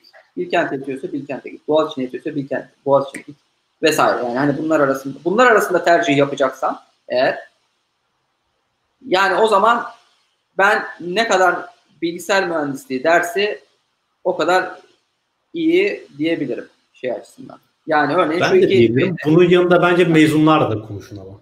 Yani mezunlarla konuşmak ve mezunlar neredeye bakmak burada çok önemli. Hani eğer hedefiniz büyük teknoloji şirketleri ise hangisinin mezunları büyük teknoloji şirketleri? Çünkü gerçekten çoğu dersi üniversite dışında da öğrenirsiniz, pratik yaparsınız ki bu mülakatlara hazırlanmak için pratik yapmanız gerekecek. Okulda öğrendiğiniz yetmeyecek. Çünkü yani e, uygulamasını çok fazla yapmıyorsunuz okulda. Bir şekilde hızlı e, pratik yapmanız gerekecek. Ee, eğer okulunuzun mezunları ya da öğrencileri sizin istediğiniz kariyerde, istediğiniz doğrultuda bir kariyer hedefliyorsa e, siz de ister istemez daha çok şey biliyorsunuz o alanla ilgili. Bir şeylerin nasıl yapıldığını daha iyi biliyorsunuz. O e, mülakat süreçlerinin nasıl olduğunu daha iyi biliyorsunuz. Bence okulun öğrenci ve mezun profiline bakmak da çok önemli. Yani evet o istatistikleri LinkedIn'de vesaire galiba ulaşmak birazcık kolay. Mezunlar ne yapıyor ne ediyor. Ama yine dediğimiz noktaya geliyoruz yani. Bu saydığımız iyi üniversitelerin sebebi bir ÖSS'de iyi yapan, işte üniversite sınavında iyi yapan öğrenciler buraya geliyor. Burada da üstüne bir şey koymasalar bile hani aynı standartı tuttursalar bile ondan sonra iyi bir üniversiteden mezun oldukları için de iyi bir şirketlerde çalışmaya başlıyorlar. Bu şekilde devam ediyor. Hangi derslerin olmasına dikkat etmeli? Bu bir de şey açısından da zor soru. Yani dersin adı bazen çok cazip geliyor ama içine girdiğin zaman hocası o dersi böyle çok özenmemiş, işte bilmiyor. Böyle çok eski teknolojiyi anlatan hocalar olabiliyor bazı dersler için. Yani ya öyle artık işte mesela database derslerinde ben söylüyorum. Database çok önemli bir konu ama kaç okuldaki database'in içerisinde gerçekten NoSQL database konularına, distributed database konularına giriliyor. Çok azı belki hiçbiri. Evet. Yani çünkü dersin daha ders birazcık geriden gelir. Şimdi bir şey niye ders olur? Daha önce belki ben yayında konuştum. Bir şey niye ders olur? Niye araştırma konusu olarak kalır? Arasındaki farka bir bakmak lazım. Yani araştırma olarak kalması ya da işte hot topic, cazip, yeni ortaya çıkan alan olması daha o konunun yeni olması lazım. kaynaklanır. Herkes üzerine araştırmasını yapar, çalışmalarını yapar vesaire. İş artık iyice oturduktan sonra ders haline gelir. Daha hala bu NoSQL'ler, MoSQL'ler aslında araştırma konusu ya da gra- yüksek lisans seviyesi derslerinde şey yüksek lisans ve doktora seviyesindeki derslerde anlatılıyor. Bu yüzden yani der, hangi dersin olması çok da bir, bir şey ifade etmiyor bence. Ee, olmaması yani çok bilgisayar, en azından adlarına bakarak çok bilgisayar dersi yoksa şey yapın. Hmm. Özellikle ben bunu galiba şeylerde çok görülüyor. Böyle daha ufak özel üniversiteler, yeni kurulmuş özel üniversiteler böyle 3 elektronikçi hoca alıp 3 tane bilgisayarcı hoca alıp iki bölümü de kurup herkese aynı dersleri verdikleri bölümler açıyorlar galiba. Ee, yani öyle üniversitelerden zaten uzak durmak lazım. ÖSS'ye bir, daha, bir sene daha hazırlamak birin daha iyi. Ben de katılıyorum kesinlikle. Yani hangi dersler bence çok yani Semih'in dediği gibi e, yayın boyunca konuştuğumuz tablodaki yeşil dersler deyip belki özetleyebiliriz. Evet yani yeşil dersler önemli dersler. Bunların adları okuldan okula birazcık fark edebilir. Hani onunla ilgili de dersleri siz internetten siz gayet de içeriklerini de bulabilirsiniz. İçeriklere bakarak birazcık şey yapabilirsiniz. Biraz o şey yapmak lazım. Sonra birazcık arkadaşlar konudan bağımsız soru cevap gideceğiz. Sorular bitince ya da işte artık bir 5-10 dakikayı kapatırız. Fenk şirketlerinin staj mülakatlarına genelde kaç GPA üzerinden olumlu işaret verir? Valla GPA üzeri olumlu işaret GPA çok da bakılan bir şey değil. Fenk şirketleri nedir? Onu bir şey yapalım. İşte Facebook, Amazon, Apple, Google, Netflix vesaire gibi Amerika'daki büyük şirketler söyleyelim. Ee, Yani yeni mezun olarak başvuruyorsanız aslında referansınız yoksa evet bir tık önemli ama referansınız Referans- varsa biraz önce konuştuğumuz gibi arkasını doldurabiliyorsanız okey aslında. evet referans olması şirketten birisiyle iletişime geçip ya da direkt o işe alımcılarla iletişime geçip süreci, mülakat sürecini öyle başlatmak çok daha önemli ortalamaya göre. Hmm. Dediğim Aslında şey hani ortalamanız 3.90 olsa da normal bir başvuru yaptığınızda dikkat çekmeyip mülakat almayabilir, alamayabilirsiniz. Ya evet, çünkü herkesin çalışmak istediği, herkesin tekrar tekrar başvurduğu şirketler bunlar. Yani Binlerce inanılmaz başvuru geliyor. O havuz çok büyük. İletişime geçip aradan birisini, şirketten birisinin size referans olmasını sağlamak çok daha efektif bir yol. Evet. Sonra diğer Yani- soru bilgisayar mühendisliği bölümlerinde elektronikteki kadar hardware bilgisi alınıyor mu yoksa sadece yazılım odaklı mı? Boğaziçi üzerinde değerlendirebilir misiniz diye benim Boğaziçi hakkında hiçbir fikrim yok. Keşke Boğaziçi'ni biri yapsaydı da bir üçüncü tabloda sütun oraya ekleseydik. Belki bir kişi daha alıp. Yani donanım dersleri Boğaziçi özelini bilmiyorum ama İTÜ özelinde yani yayının başlarına falan da bakarsa bu soran arkadaş bayağı var. Yani muhtemelen bu ikisi arasındadır. Aynen. Bu ikisi bu kadar arasında. olduğunu zannetmiyorum. Boğaz Bilkent Yok. Evet. İTÜ'nün eşdeğeri yok yani. Bir daha fazla elektronik dersi olabilir. Ee, ama ge- gerçekten hardware işi yapmak istiyorsanız elektronik okuyun zaten. Yani bilgisayar mühendisliği gelip yani evet. Yine aynı arkadaşın sorusu devam ediyor. Bilgisayar mühendisliği elektronik background'ı o kelimeyi anlamadım. Ne kadar mümkün? E okumaktan farkı ne? İşte evet yani tamamen dediğimiz nokta bu. Çok fazla elektronik background'ı varsa E yok. Elektronik okuyun. Elektronik mühendisliği hmm, farkı yok yani öylesi bir noktada. Türkiye'deki mülakatlarda veri yapıları var falan ne kadar yaygın diye soru gelmiş. Sen daha fazla. ben cevaplayabilirim. Yani çok değil. Ee, şirkete göre çok değişir. Ee, çoğu şirket sormuyor. Çoğu şirket çok basit düzeyde soruyor.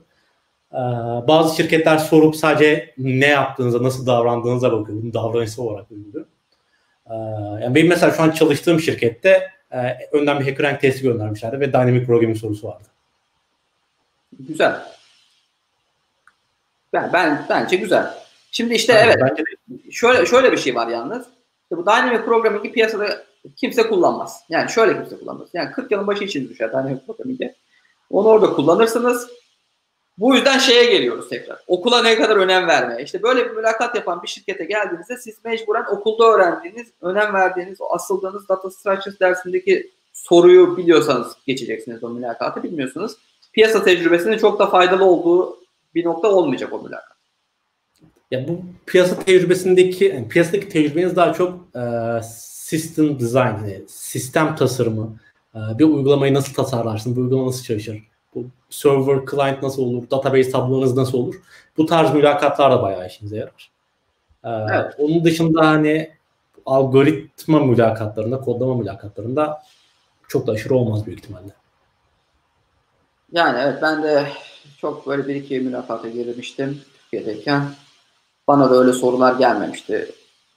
Yani mesela object oriented konsepti daha fazla soruluyor Türkiye'de herhalde. Design pattern'lar vesaire. Hani class diyagram nasıl çizilir gibi object oriented dersi Bilkent'te en azından o hafta verilen. Türkiye'de Object Oriented'la ilgili değişik bir bakış açısı da var bu arada. Ee, hani Java ya da C Sharp görmeyen, göstermeyen okulların Object Oriented göstermediğini düşünüyor çoğu e, bazı şirketler. E, hatta hani Türkiye'de isim yapmış şirketlerde bile ben bununla karşılaştım. E, isim vermeden bahsedeyim. Bir şirketle e, mülakata girmiştim.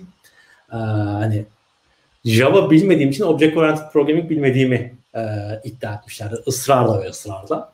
Ve hani herhangi bir mülakat olmadan sadece konuşurken. Yani ben bunu bayağı ateşli savunmuştum ve sonrasında zaten mülakat sürecini bırakmıştım şirkete. Çok sinirlenmiştim. Çünkü böyle bir mentalitede bir şirkete çalışmak istemezdim büyük ihtimalle. Ya iki Google Buyurun. aramasıyla cevabı bulunabilecek sorulardan kavga niye çıkıyor ben anlamıyorum.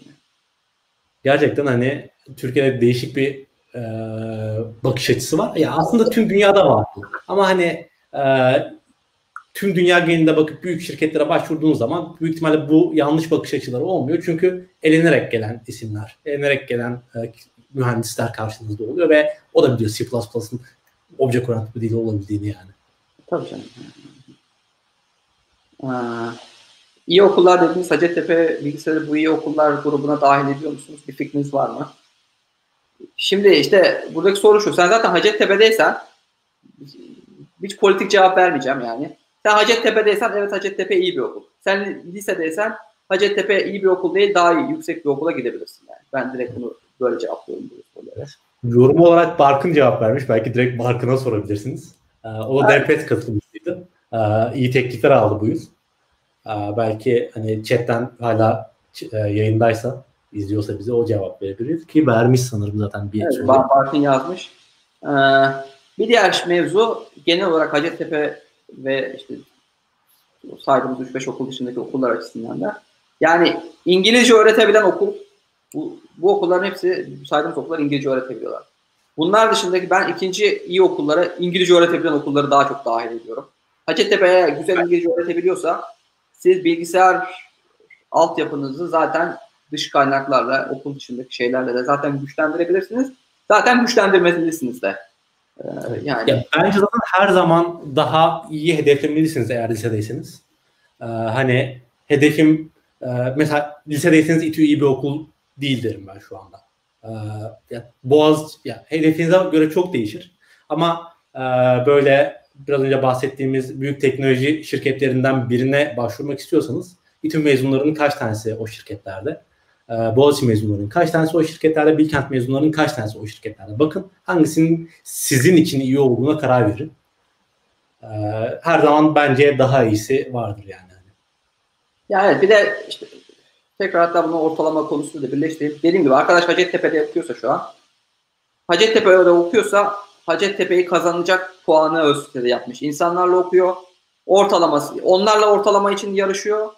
Ee, ve o yarıştan bir kere başarılı çıkması lazım. Ortalama önemliyse. Onun için. Ve işte demin ortalamanın ne, hangi durumların ne önemli olduğunu zaten konuştuk. Bir daha geliyor. Ama lisedeyse tabii daha iyi okullar var. Ee, daha iyi İngilizce öğreten okullar var. Daha iyi network yapan okullar var. Ee, mezunları açısından. İşte dediğim gibi az önce büyük şirketlere ulaşmak nasıl oluyor gibi bir soru daha mezun olduğunuz okuldan birisi geldiğinde ya ben kendi adıma söyleyeyim bana Bilkent'li bir öğrenci mail attığında ben işte şey yapmak istiyorum. Hmm, başvurmak istiyorum mülakata girmek istiyorum Google'la. Yardımcı olabilir misiniz dediğinde ben o arkadaşa daha kolay yardımcı olabiliyorum. Çünkü Bilkent'in eğitimini biliyorum. Ver, ben de o eğitimi aldım. Buradaki çalışan insanları da görüyorum. O eğitim alan insanların burada gayet de çalışabilecek sıkıntısız o mülakatı en azından hak eden insanlar olduğuna gayet kefilim yani. Hani şimdi Hacettepe'liler de evet iyidir ama bana bir Hacettepe'li arkadaş böyle bir mesaj atsa daha bir detaylı araştırmam lazım Hacettepe'yi. Evet. Ya mesela ben de hani bir iç mezunuyla konuştuğum zaman ya da bir iç öğrencisiyle konuştuğum zaman e, aşağı yukarı anlayabiliyorum e, ne istediğini ve e, nasıl bir yol izlemesi gerektiğini de tartışabiliyorum. Ama hani Bilkent'ten Boğaziçi'den ya da başka bir okuldan, yani bilmediğim bir okuldan bir öğrenciyle ya da bir yeni mezunla e, konuştuğum zaman bu iletişimi kurmak çok daha e, zor oluyor. Çünkü yani yollarımız farklı. Farklı yollardan ilerliyoruz. Belki hedefimiz aynı olabilir. Ama farklı yollardan ilerlerken e, çok da objektif değerlendirmek ya da doğru düzgün yardım etmek zor oluyor. O zaman diğer soruya geçiyorum.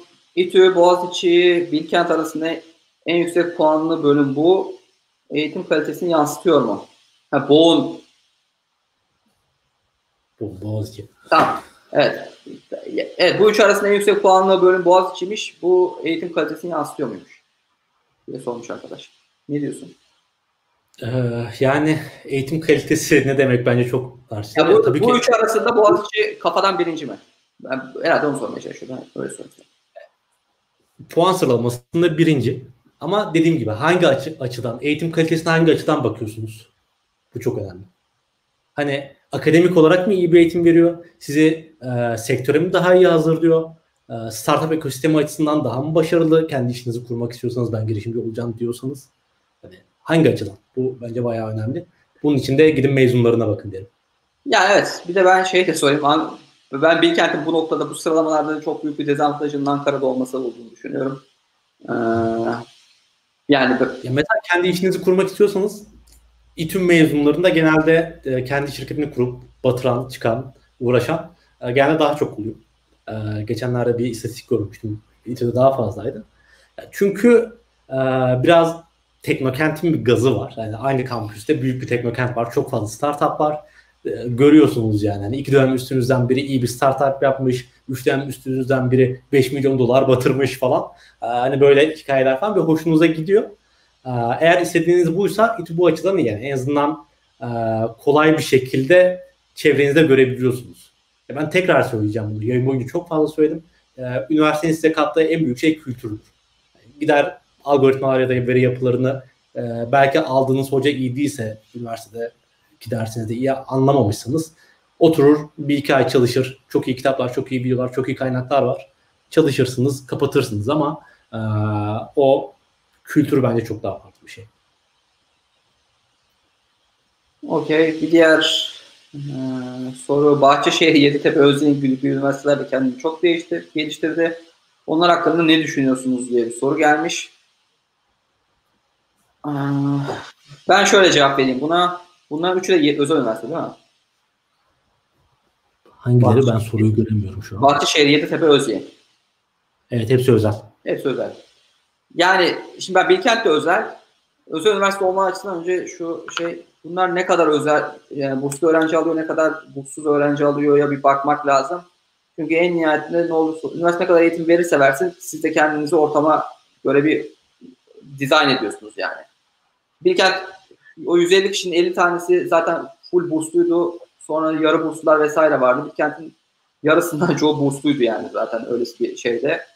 Ee, şimdi Boğaziçi, şey Bahçeşehir, Yeditepe, Özyeğin'de 5 tane burslu, işte 80 tane burssuz varsa oradaki hocaların ayarı burssuza göre olur. Ben bunu hani istedikleri kadar bursluya göre yapıyoruz desinler. Öyle de demek zorundalar. Bu işin tabii ticari boyutu da var. Ee, ama yani orada orada ayar şeye göre verilir.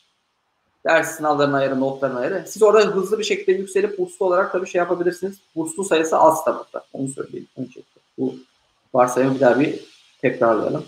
Ondan sonra kendini çok geliştirdi. Evet güzel bir hocalar yurt dışından transfer ediyorlar. Yani yine şöyle bir şey. Siz bu okullar bu okullardan bir tanesindeyseniz evet bunlar da iyi üniversiteler. Hacettepe'ye söylediğim şeyin aynısını söyleyeceğim. Ama e, lisedeyseniz bunlardan daha iyisi varsa gidip onları kazanmaya çalışın. Bir diğer mevzu özel üniversitelerde Bilkent'te bile bu sıkıntı var. Akade şey üniversite hoca kadrosu devletlere göre bir tık daha küçük. Bu özellikle seçmeli derslerdeki çeşitliliği etkiliyor. Yani işte dediğim gibi ben yapay zeka almak istemezken yapay zeka aldım. Çünkü istediğim gibi bir ders yoktu. Ama mesela yani belki iki de olsam daha böyle istediğim gibi dersi bir tık daha bulurdum. Daha iyice bir saydığım paralel program. İTÜ içinde de kontenjan gibi sıkıntılar çekiyorsunuz. Çünkü yani kalabalık bir üniversite. Yani evet. İşte akademik kadronun darlığı şeyi de önemli. Onlara bir bakmak lazım. Kaç kurs alıyor? Akademik kadro ne kadar geniş? Ders çeşitliliği ne kadar var? Çünkü küçük, küçük okullarda öyle de olabilir. Bazen bir ekol belirliyorlar onlar. O ekole yönelik hocalar alıyorlar ve müfredat da o ekol üzerine şekilleniyor.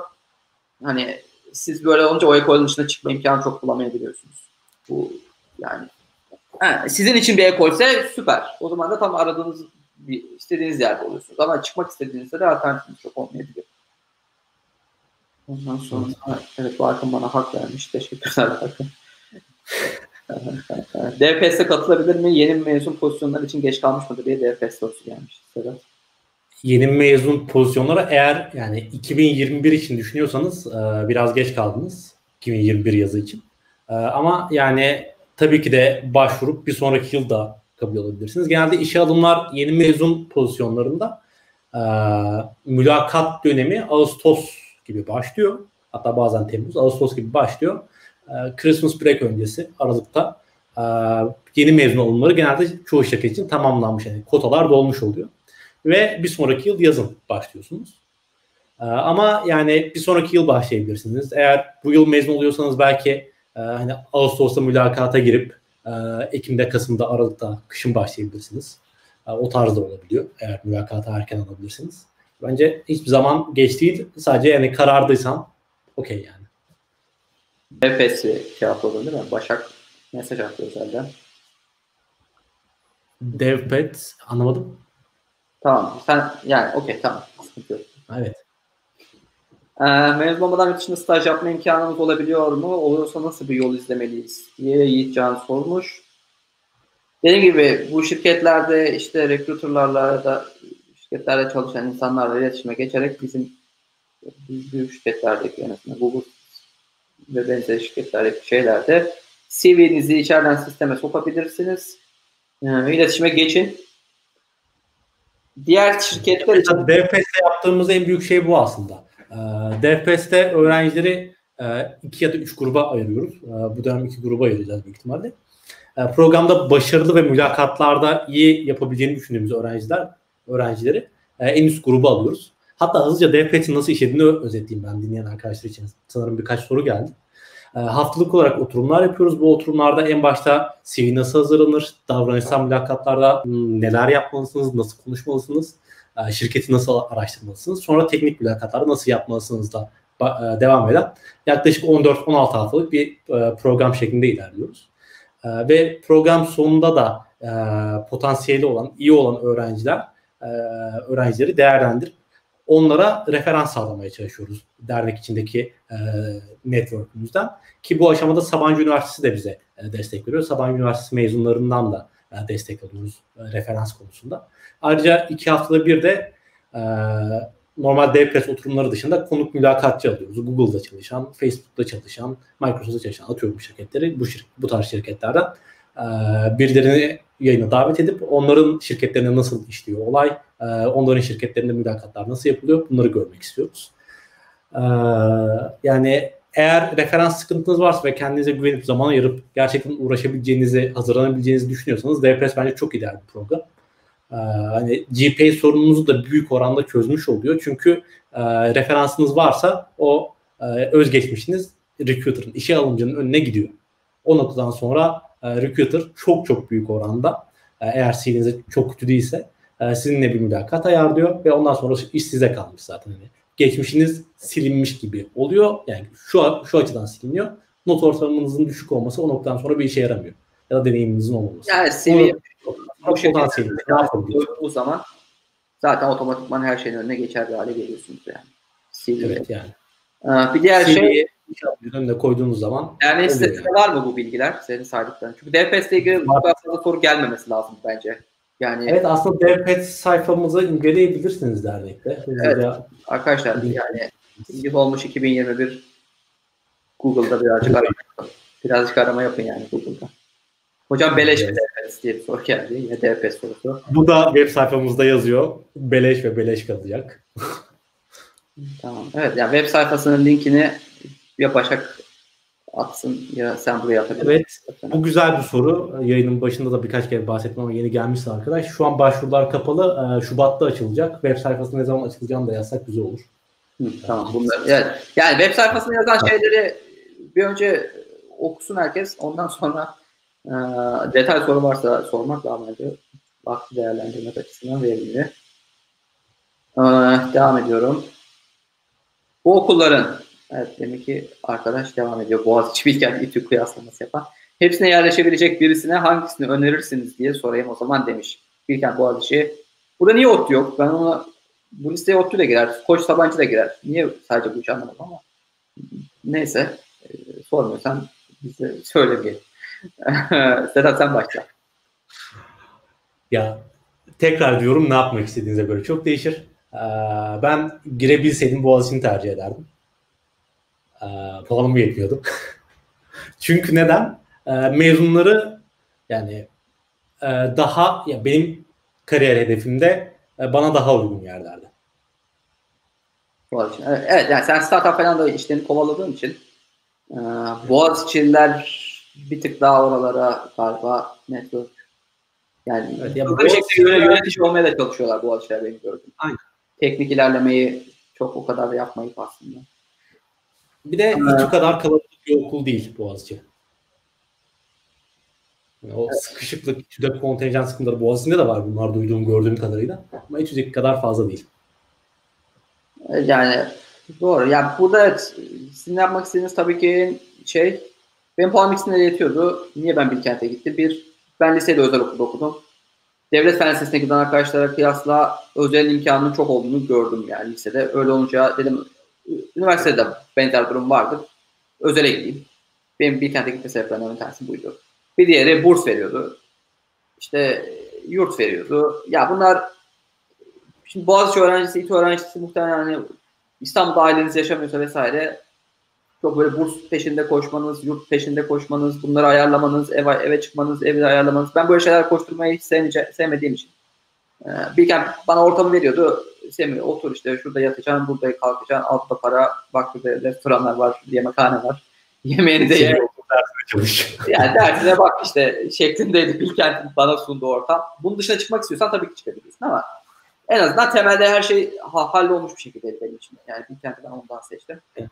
Ee, Mesela İTÜ özelinde şey söyleyebilirim. Yani yurtlar falan da büyük ihtimalle kontenjan sıkıntıları yaşayabilirsiniz. Ee, hani İTÜ mezunlarıyla konuşun. YouTube'da bir sürü video vardır illaki son zamanlarda. Bloglar vardır. Okuyun. Hani yurt bulmak ne kadar kolay. Öğrencilerin yüzde kaçına yurt sağlayabiliyor. Öğrenciler nerede yaşıyor, nereden gelmiş falan. Bunlara bakın yani. Evet yani Boğaziçi'nin yurt olayını en azından tam kontenjanını bilmiyorum.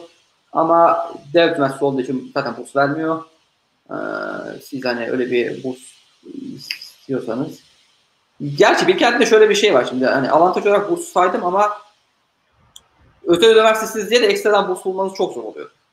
Zaten sen okuldan para alıyorsun diye. Sonra bir bakıyorsun Boğaziçi'de 3 yerden ayrı ayrı burs almış. Falan böyle bir yani, abi işte peşinde koşmak lazım. Evet, yani burs olayında kesinlikle peşinden koşmalısınız. Ben mesela ilk başladığımda biraz aramıştım. Çok da peşinden koşmamıştım. Ee, hani bir aramıştım yapınca çoğu zaman bulamıyorsunuz. Ya sen bir de zaten sonra işe de hızlı hemen girince Aynen. bir daha peşini koşmamışsın. Mantıklı. Aynen. Ankara'da okumanın İstanbul'da okumaya göre staj açısından dezavantajları nelerdir? Staj açısından dezavantajları. Ya Ankara'da savunma sanayi şirketleri çok fazla. Ee, seçenekler bir tık daha az. Ama İstanbul'daki şey, e, şirkete de staj için başvurmanı engelleyen bir durum değil. Hakeza ben ikinci stajımı, üçüncü sınıftan sonra stajımı Gebze'de, Teknokent'te bir şirkette yaptım. İstanbul'da işte Kurtköy'de bir arkadaşın evinde kaldım vesaire. Hani yani Gebze İstanbul sayılıyor mu? Kurtköy İstanbul sayılıyor mu? Kurtköy İstanbul sayılıyor yani. O bir yapor. Bak taş atayım Yok ya haklısın ya. Bir Beylikdüzü'ne gideyim dedim. 5 vasıtayla gitmiştim. 3 saat. o da işte diğer ucu hani böyle. Ve her her şeye bindim yani.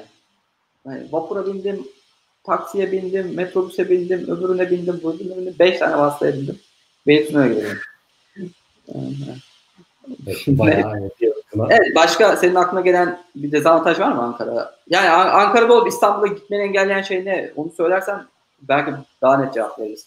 Evet yani ben Ankara'daki şirketlere de bu arada staj için başvurmuştum yani hatırlıyorum bazılarıyla mülakat yaptım falan. Ee, bence hani özellikle staj için bakıyorsan problem olmamalı ya. Yani Bilkent'li biri İstanbul'daki bir şirkette staj yapabilir yani niye yapamasın? Yani ben, bence de. O zaman diğer soru. Ben soruları bitirmeye çalıştıkça yeni sorular geliyor. Çok hızlı cevaplamamız lazım Sedat. Yetiş, yetiş, yetişmemeleri lazım. Reel sayımız şu an yine artmış gibi görüyorum ben. Soru cevaba geçince daha çok ilgi geliyor yani. Bunu bu işi oturtamadık arkadaşlar. Kusura bakmayın. Biz aslında soruları arada da almak istiyoruz ama konu çok dağılıyor. Bazen öyle sorular geliyor ki konuyla çok alakasız. Ee, şimdi evet. Türkiye'de Cenk okumak uluslararası düzeyde bizi çok geri atar mı? O tür bir arkadaş herhalde Cenk dediğine göre. Başka yerlerde Cenk deniyor mu? Computer Engineering. Değil mi? Uluslararası düzeyde çok geri atar mı mı? Tam tersine Türkiye'deki bence eğitim çok iyi. Lisans eğitimi evet. gayet yarışır. Ya bu bahsettiğimiz bilgi, hani isimlendirme açısından e, belki sormuştur. Hani computer science falan konuştuk çünkü. Ya, Türkiye'de zaten Computer Science adıyla bildiğim kadarıyla sadece birkaç yıl önce 9 Eylül'de vardı. Yanlış hatırlamıyorsam. Ama İzmir'de bir okulda vardı bilgisayar bilimi adıyla. Ee, ama yani benim gördüğüm kadarıyla Bilkent'in müfredatı daha Computer Science yani açıkçası. Bilkent zaten İngilizce'de Computer Science diye koyuyor bölümün adını. Türkçe'ye geçtiğinde Computer Engineering. Yani, yani Türkçe'de Computer Science yazıyor, bilgisayar bilmek için yazıyor yani. Bilgisayar bilimleri diye çevirmiyor şey. O ayrımı iki ayrı şeyde yapıyor. Ee, çok geri atar mı? Valla hiç geri hiç geri atmaz yani. Hatta yani hani engineering'e takıntınız varsa CV'nize computer science and engineering yazın yani hani yabancı yerlere başvurun. Yok ya ben bilmiyorum. Bence genel sordu. Yani o mühendis, engineering ve science ayrımını yapmadan sordu. Bu çünkü ODTÜ ile galiba. Onlar onlar cenk diyorlar bir şey. Ee, neyse geçiyorum. Başvurduğum bütün stajlarda dur. C Sharp kullanılıyor. Türkiye'deki yazılım evlerinin sadece tek bir dilde yoğunlaşması ne kadar doğru? Ya bu soruyu ben geçmeyi diyeceğim kusura bakma. Şu an çok üniversitelerde konuşuyoruz. Evet. Biraz şey oldu. Ya bu tarz ya bunlarla ilgili yayınlar böyle bir şey yok. Evet, bunlarla ilgili yayınlar da yapacağız. Evet, çok kısa bir şekilde Sedat böyle bir şey yok dedi. İlanlara bakarsan... Aynen, yani C odaklanma gibi bir şey yok yani. Ee, Tuğcan'ın sorusu Özyeğin Üniversitesi'nde ikinci sınıf öğren öğrencisiyim. O kadar boş dersler görüyoruz ki diskret matematik içinde Haskell bile görüyoruz. Okul beni engelliyor. Ders planı Bilkent'in aynısı. Evet yani şimdi deminki dediğimiz soruya geldik. Derslerin adları e, tamam ama bir de içinde ne görüldüğü önemli. Diskret matematik dersinde Haskell ne ki yani? Şey functional programming dedi. Da yani niye, niye var diskret matematik? Niye var? Aynen. Niye var? Zaten genel olarak niye var? Türk, Türk, Türk Avrupalılar birazcık functional programming'e daha meraklı. Müfredatlarına koymaya Nordik ülkelerde bayağı var functional evet. meraklısı. Türkiye'de yok. İsveç, Norveç bayağı Piyasada var. da aranmıyor. Evet o kötü olmuş ama Tuğcan yapacak bir şey yok. Tek gördüğüm functional programming ODTÜ Teknokent'te bir şirket vardı. Functional programming üzerine giden. O bir tane yani başka da görmedim. Ya hadi skala yazanlar varsa artık skala functional programming ama o bile o kadar değil. Evet. Elektronik mühendisliği getirir misiniz yayına? Dernek içinde var mı bu şekilde bir yayın yapabileceğimiz elektronikçi? Şimdi konu kaldığında konu, konuğun kariyeri üzerinden gitmemiz gerekiyor.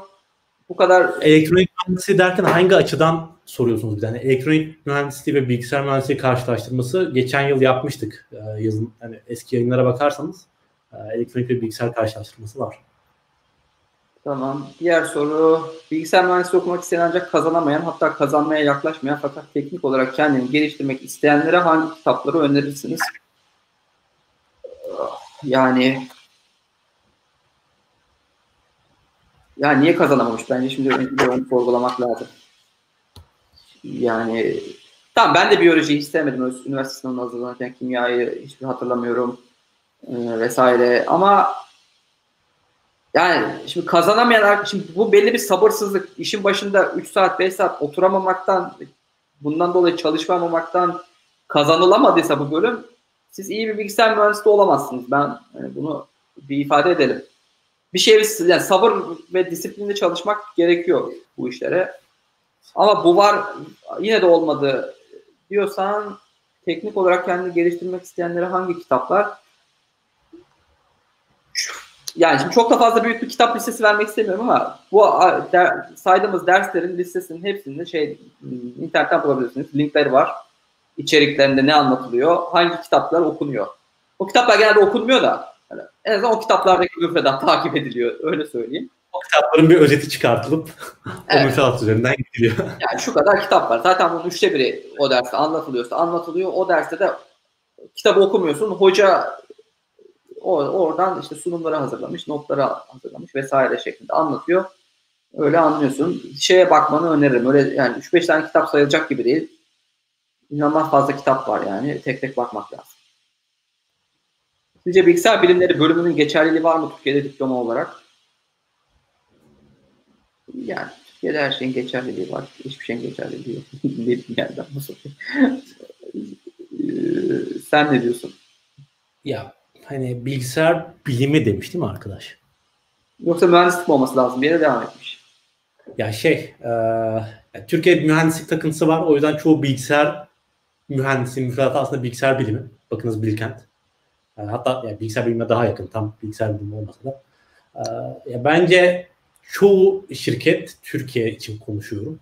E, diplomanıza, bölümünüze çok da de, e, önem vermiyor. Ee, daha kurumsal şirketler isterseniz, bankalar isterseniz evet mühendislik disiplininden, disiplinlerinden mezun olmanızı istiyor. Ama hani Türkiye'de gördüğüm kadarıyla daha esnek ve daha rahat, daha çalışması zevkli şirketler var. Ee, çok da kasmazlar diye düşünüyorum bilgisayar biliminden mezun olmanıza. Ya evet bence de bilgisayar arasında çok fark olduğunu zannetmiyorum. Çünkü.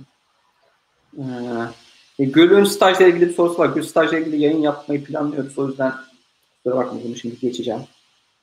Ee, ama evet yani yayın neredeyse senin sorun üzerinde olur. O yüzden stay tuned. E, Tuğcan ilk iki sene temel mühendislik dersleri zaten aşırı gereksiz geliyor. İTÜ'de gördüğüme, gö- duyduğuma göre kimya falan da varmış. Aşırı gereksiz geliyor. Tuğcan yukarıda da bir soru sordun değil mi? Sen her şeyi gereksiz mi diyorsun? ha, evet. Evet. Discord'un içerisinde Pascal Görener. Tuğcan yakaladım seni. Şimdi ya gereksiz mereksiz. Bu işin de şeyi bu. Ee, ne yapalım yani? Evet. Zaten sorusu yok ya. Tuğcan içini dökmek istemiş. Ee, Tuğcan son olarak şey demiş yani geç katıldım. Hedefim ilk 20'de bir üniversite okumak. Türkiye'de ilk 20'de bir üniversitede okumak mı? Yoksa dünyada mı? Anlamadım bunu. Geriler ya. Bilmiyorum. Gerçi evet şeyde okumuş. Çünkü şu an halihazırda bir GPA'yı var. Master için mi falan. Tam anlamadım soruyu açıkçası. Bayağı içinde önemli mi diye Emre şey yapmış. Emre 2 saatin sonundan itibaren izlersen yayını not ortalamasını konuştuk genel olarak. Bayağı bir daha bir şey yapmayayım. Ee, yani yayını bir iki saate tamamen derslerin analizi üzerine geçti gibi oldu. Ondan sonra da not ortalamasını konuşup soru cevaba başladık. Tuğcan yine ikinci saatten sonra onu da konuştuk aslında. Ne kadar gerekli, ne kadar değil. Master Sen nereden? Ben sırayı karıştırdım ona. Sıra. En alta bakıyorum ben direkt. Biraz first in first out. Evet. Arkadaş. ben, Bilgisayar mühendisliği ile yazılım mühendisliği arasındaki fark nedir? Ee, yani iş şeyi olarak, işte ünvan olarak soruyorsan bir fark yok. Bölümler açısından soruyorsan sanki yazılım mühendisliği böyle bilgisayar mühendisliği de çok popüler oldu. Ama bir şekilde kontenjanını da arttırmıyoruz okulda. O zaman yanına bir ikincisini açalım diye çıkmış bir bölüm gibi geliyor bana ama bilgisayar mühendisliği şayet elektronik ağırlıklı ders çok veriyorsa o okulda yazılım mühendisliği dersinde e, o dersleri azaltıp daha bilgisayar mühendisliği, gerçek bilgisayar mühendisliği dersleri verilecek bir halde sunuyor olabilirler. Kaç okulda yazılım mühendisi var bilmiyorum ben bu arada. Ama yani hani genelde e, çoğu okul Türkiye'de e, bilgisayar mühendisliği diyor ismini. Ama yaptığınız meslek yazılım mühendisliği oluyor genelde. Yani kod yazacağım, web sitesi yapacağım, mobil uygulama yapacağım tarafındaysanız olayı. Yazılım mühendisi yapıyorsunuz. Okey. Ee, iyi yayınlar, sağ ol. Ahmet Buyur'a.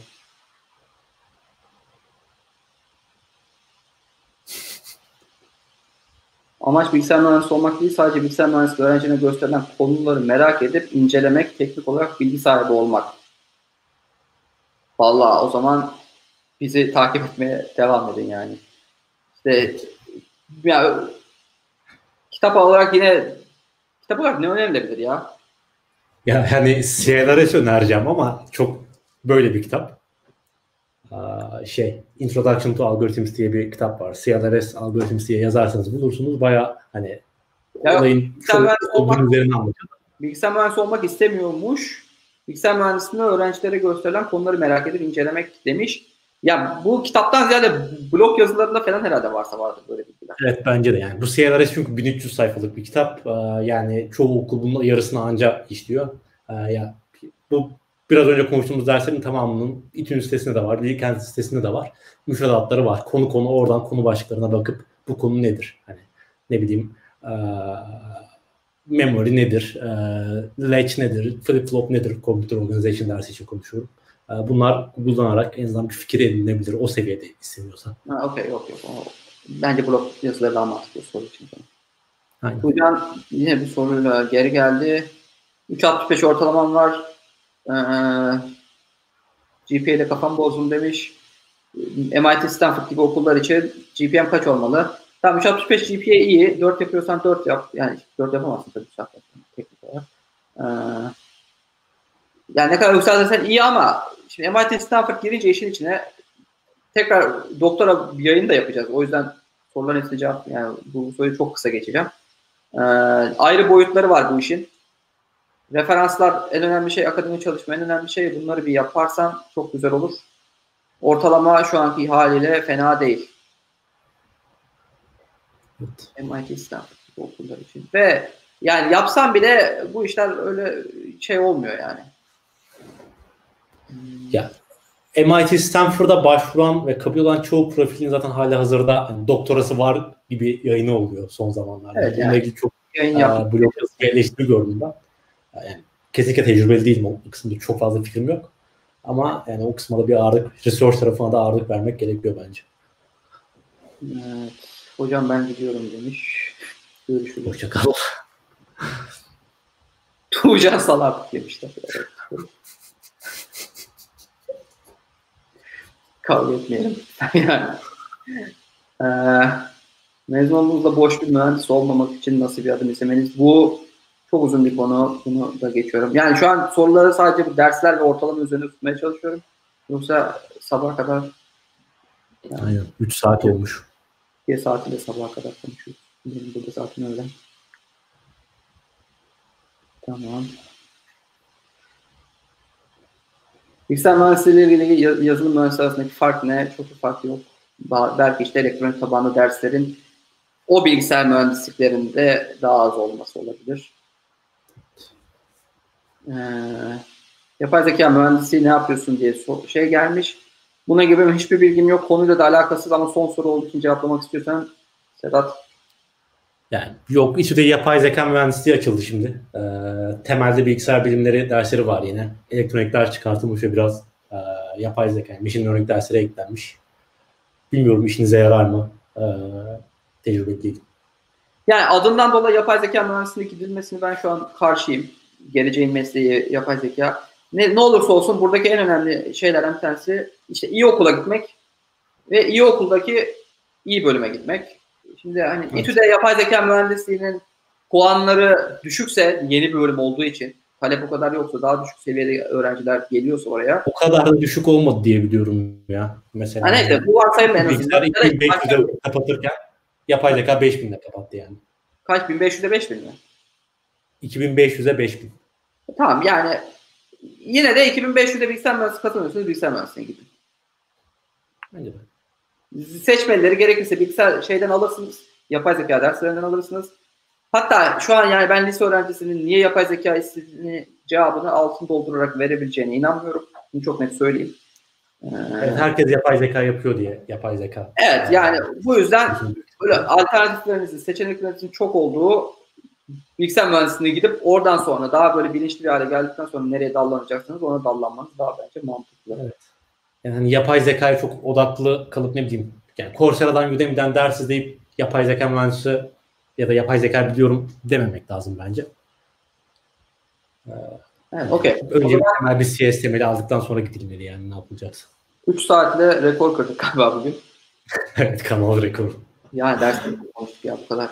Keşke kırmızıları sarıları kırm- kırmızıları en azından Hiç çıkarsak. konuşmasaymışız onları. Kırmızılar niye koydun ki? Yani ne bileyim görsün işte herkes görsün. Tam yapalım şey yapalım. ee, Okey o zaman 3 saatlik soruları cevaplamıyoruz ya. Son 45 dakika 1 saattir soru cevapladık. Bundan öncesi biz monolog gibi oldu. Hmm, Okey arkadaşlar o zaman yayını şu an kapatıyoruz. Ve şey hatırlatmaları yapalım. Böyle benzer yayınlar da yapacağız. Bu ilk konusuz yayınım, yayınımızda daha böyle bir konu üzerine konuşmaya çalıştık. Böyle yayınlar daha fazla dediğim gibi gelecek. Setup'la olacak. Ya da işte daha yani konuğun kariyeri üzerine değil ama e, bu şekilde Konunun alanı üzerine belki hani. evet soru cevap Belki yapay zeka ile ilgili bir konu bulursak yapay zeka sorularını daha çok cevaplayabiliriz. böyle bir şey yapacağımız yayınlar da olacak. Ee, kanalı takip etmeyi unutmayın. Kariyer Derneği'nin linklerini zaten defalarca paylaştık. Chat'te görebilirsiniz. Ee, Kesişen Yollar Derneği'nin zaten derneğimizin adı. Her yerde gördüğünüz üzere Sedat 3 kere DPS'ine reklamını yaptı. Bir daha yapmayalım. Daha da yapmayacağım. Bir sonraki sefere şey araya reklam falan girelim ya böyle programlar, devpes, danışmanlık falan. çok destekliyorum bu fikri yani 3 saat. Su saat çok uzun oldu. Suyu, suyun bitti 3 saat önce. Ağzım dilim tamam kurudu yani. Ee, o zaman görüşmek üzere deyip ben tekrar videoyu koyuyorum. Herkese iyi pazarlar. Pazartesiler bana da iyi pazarlar.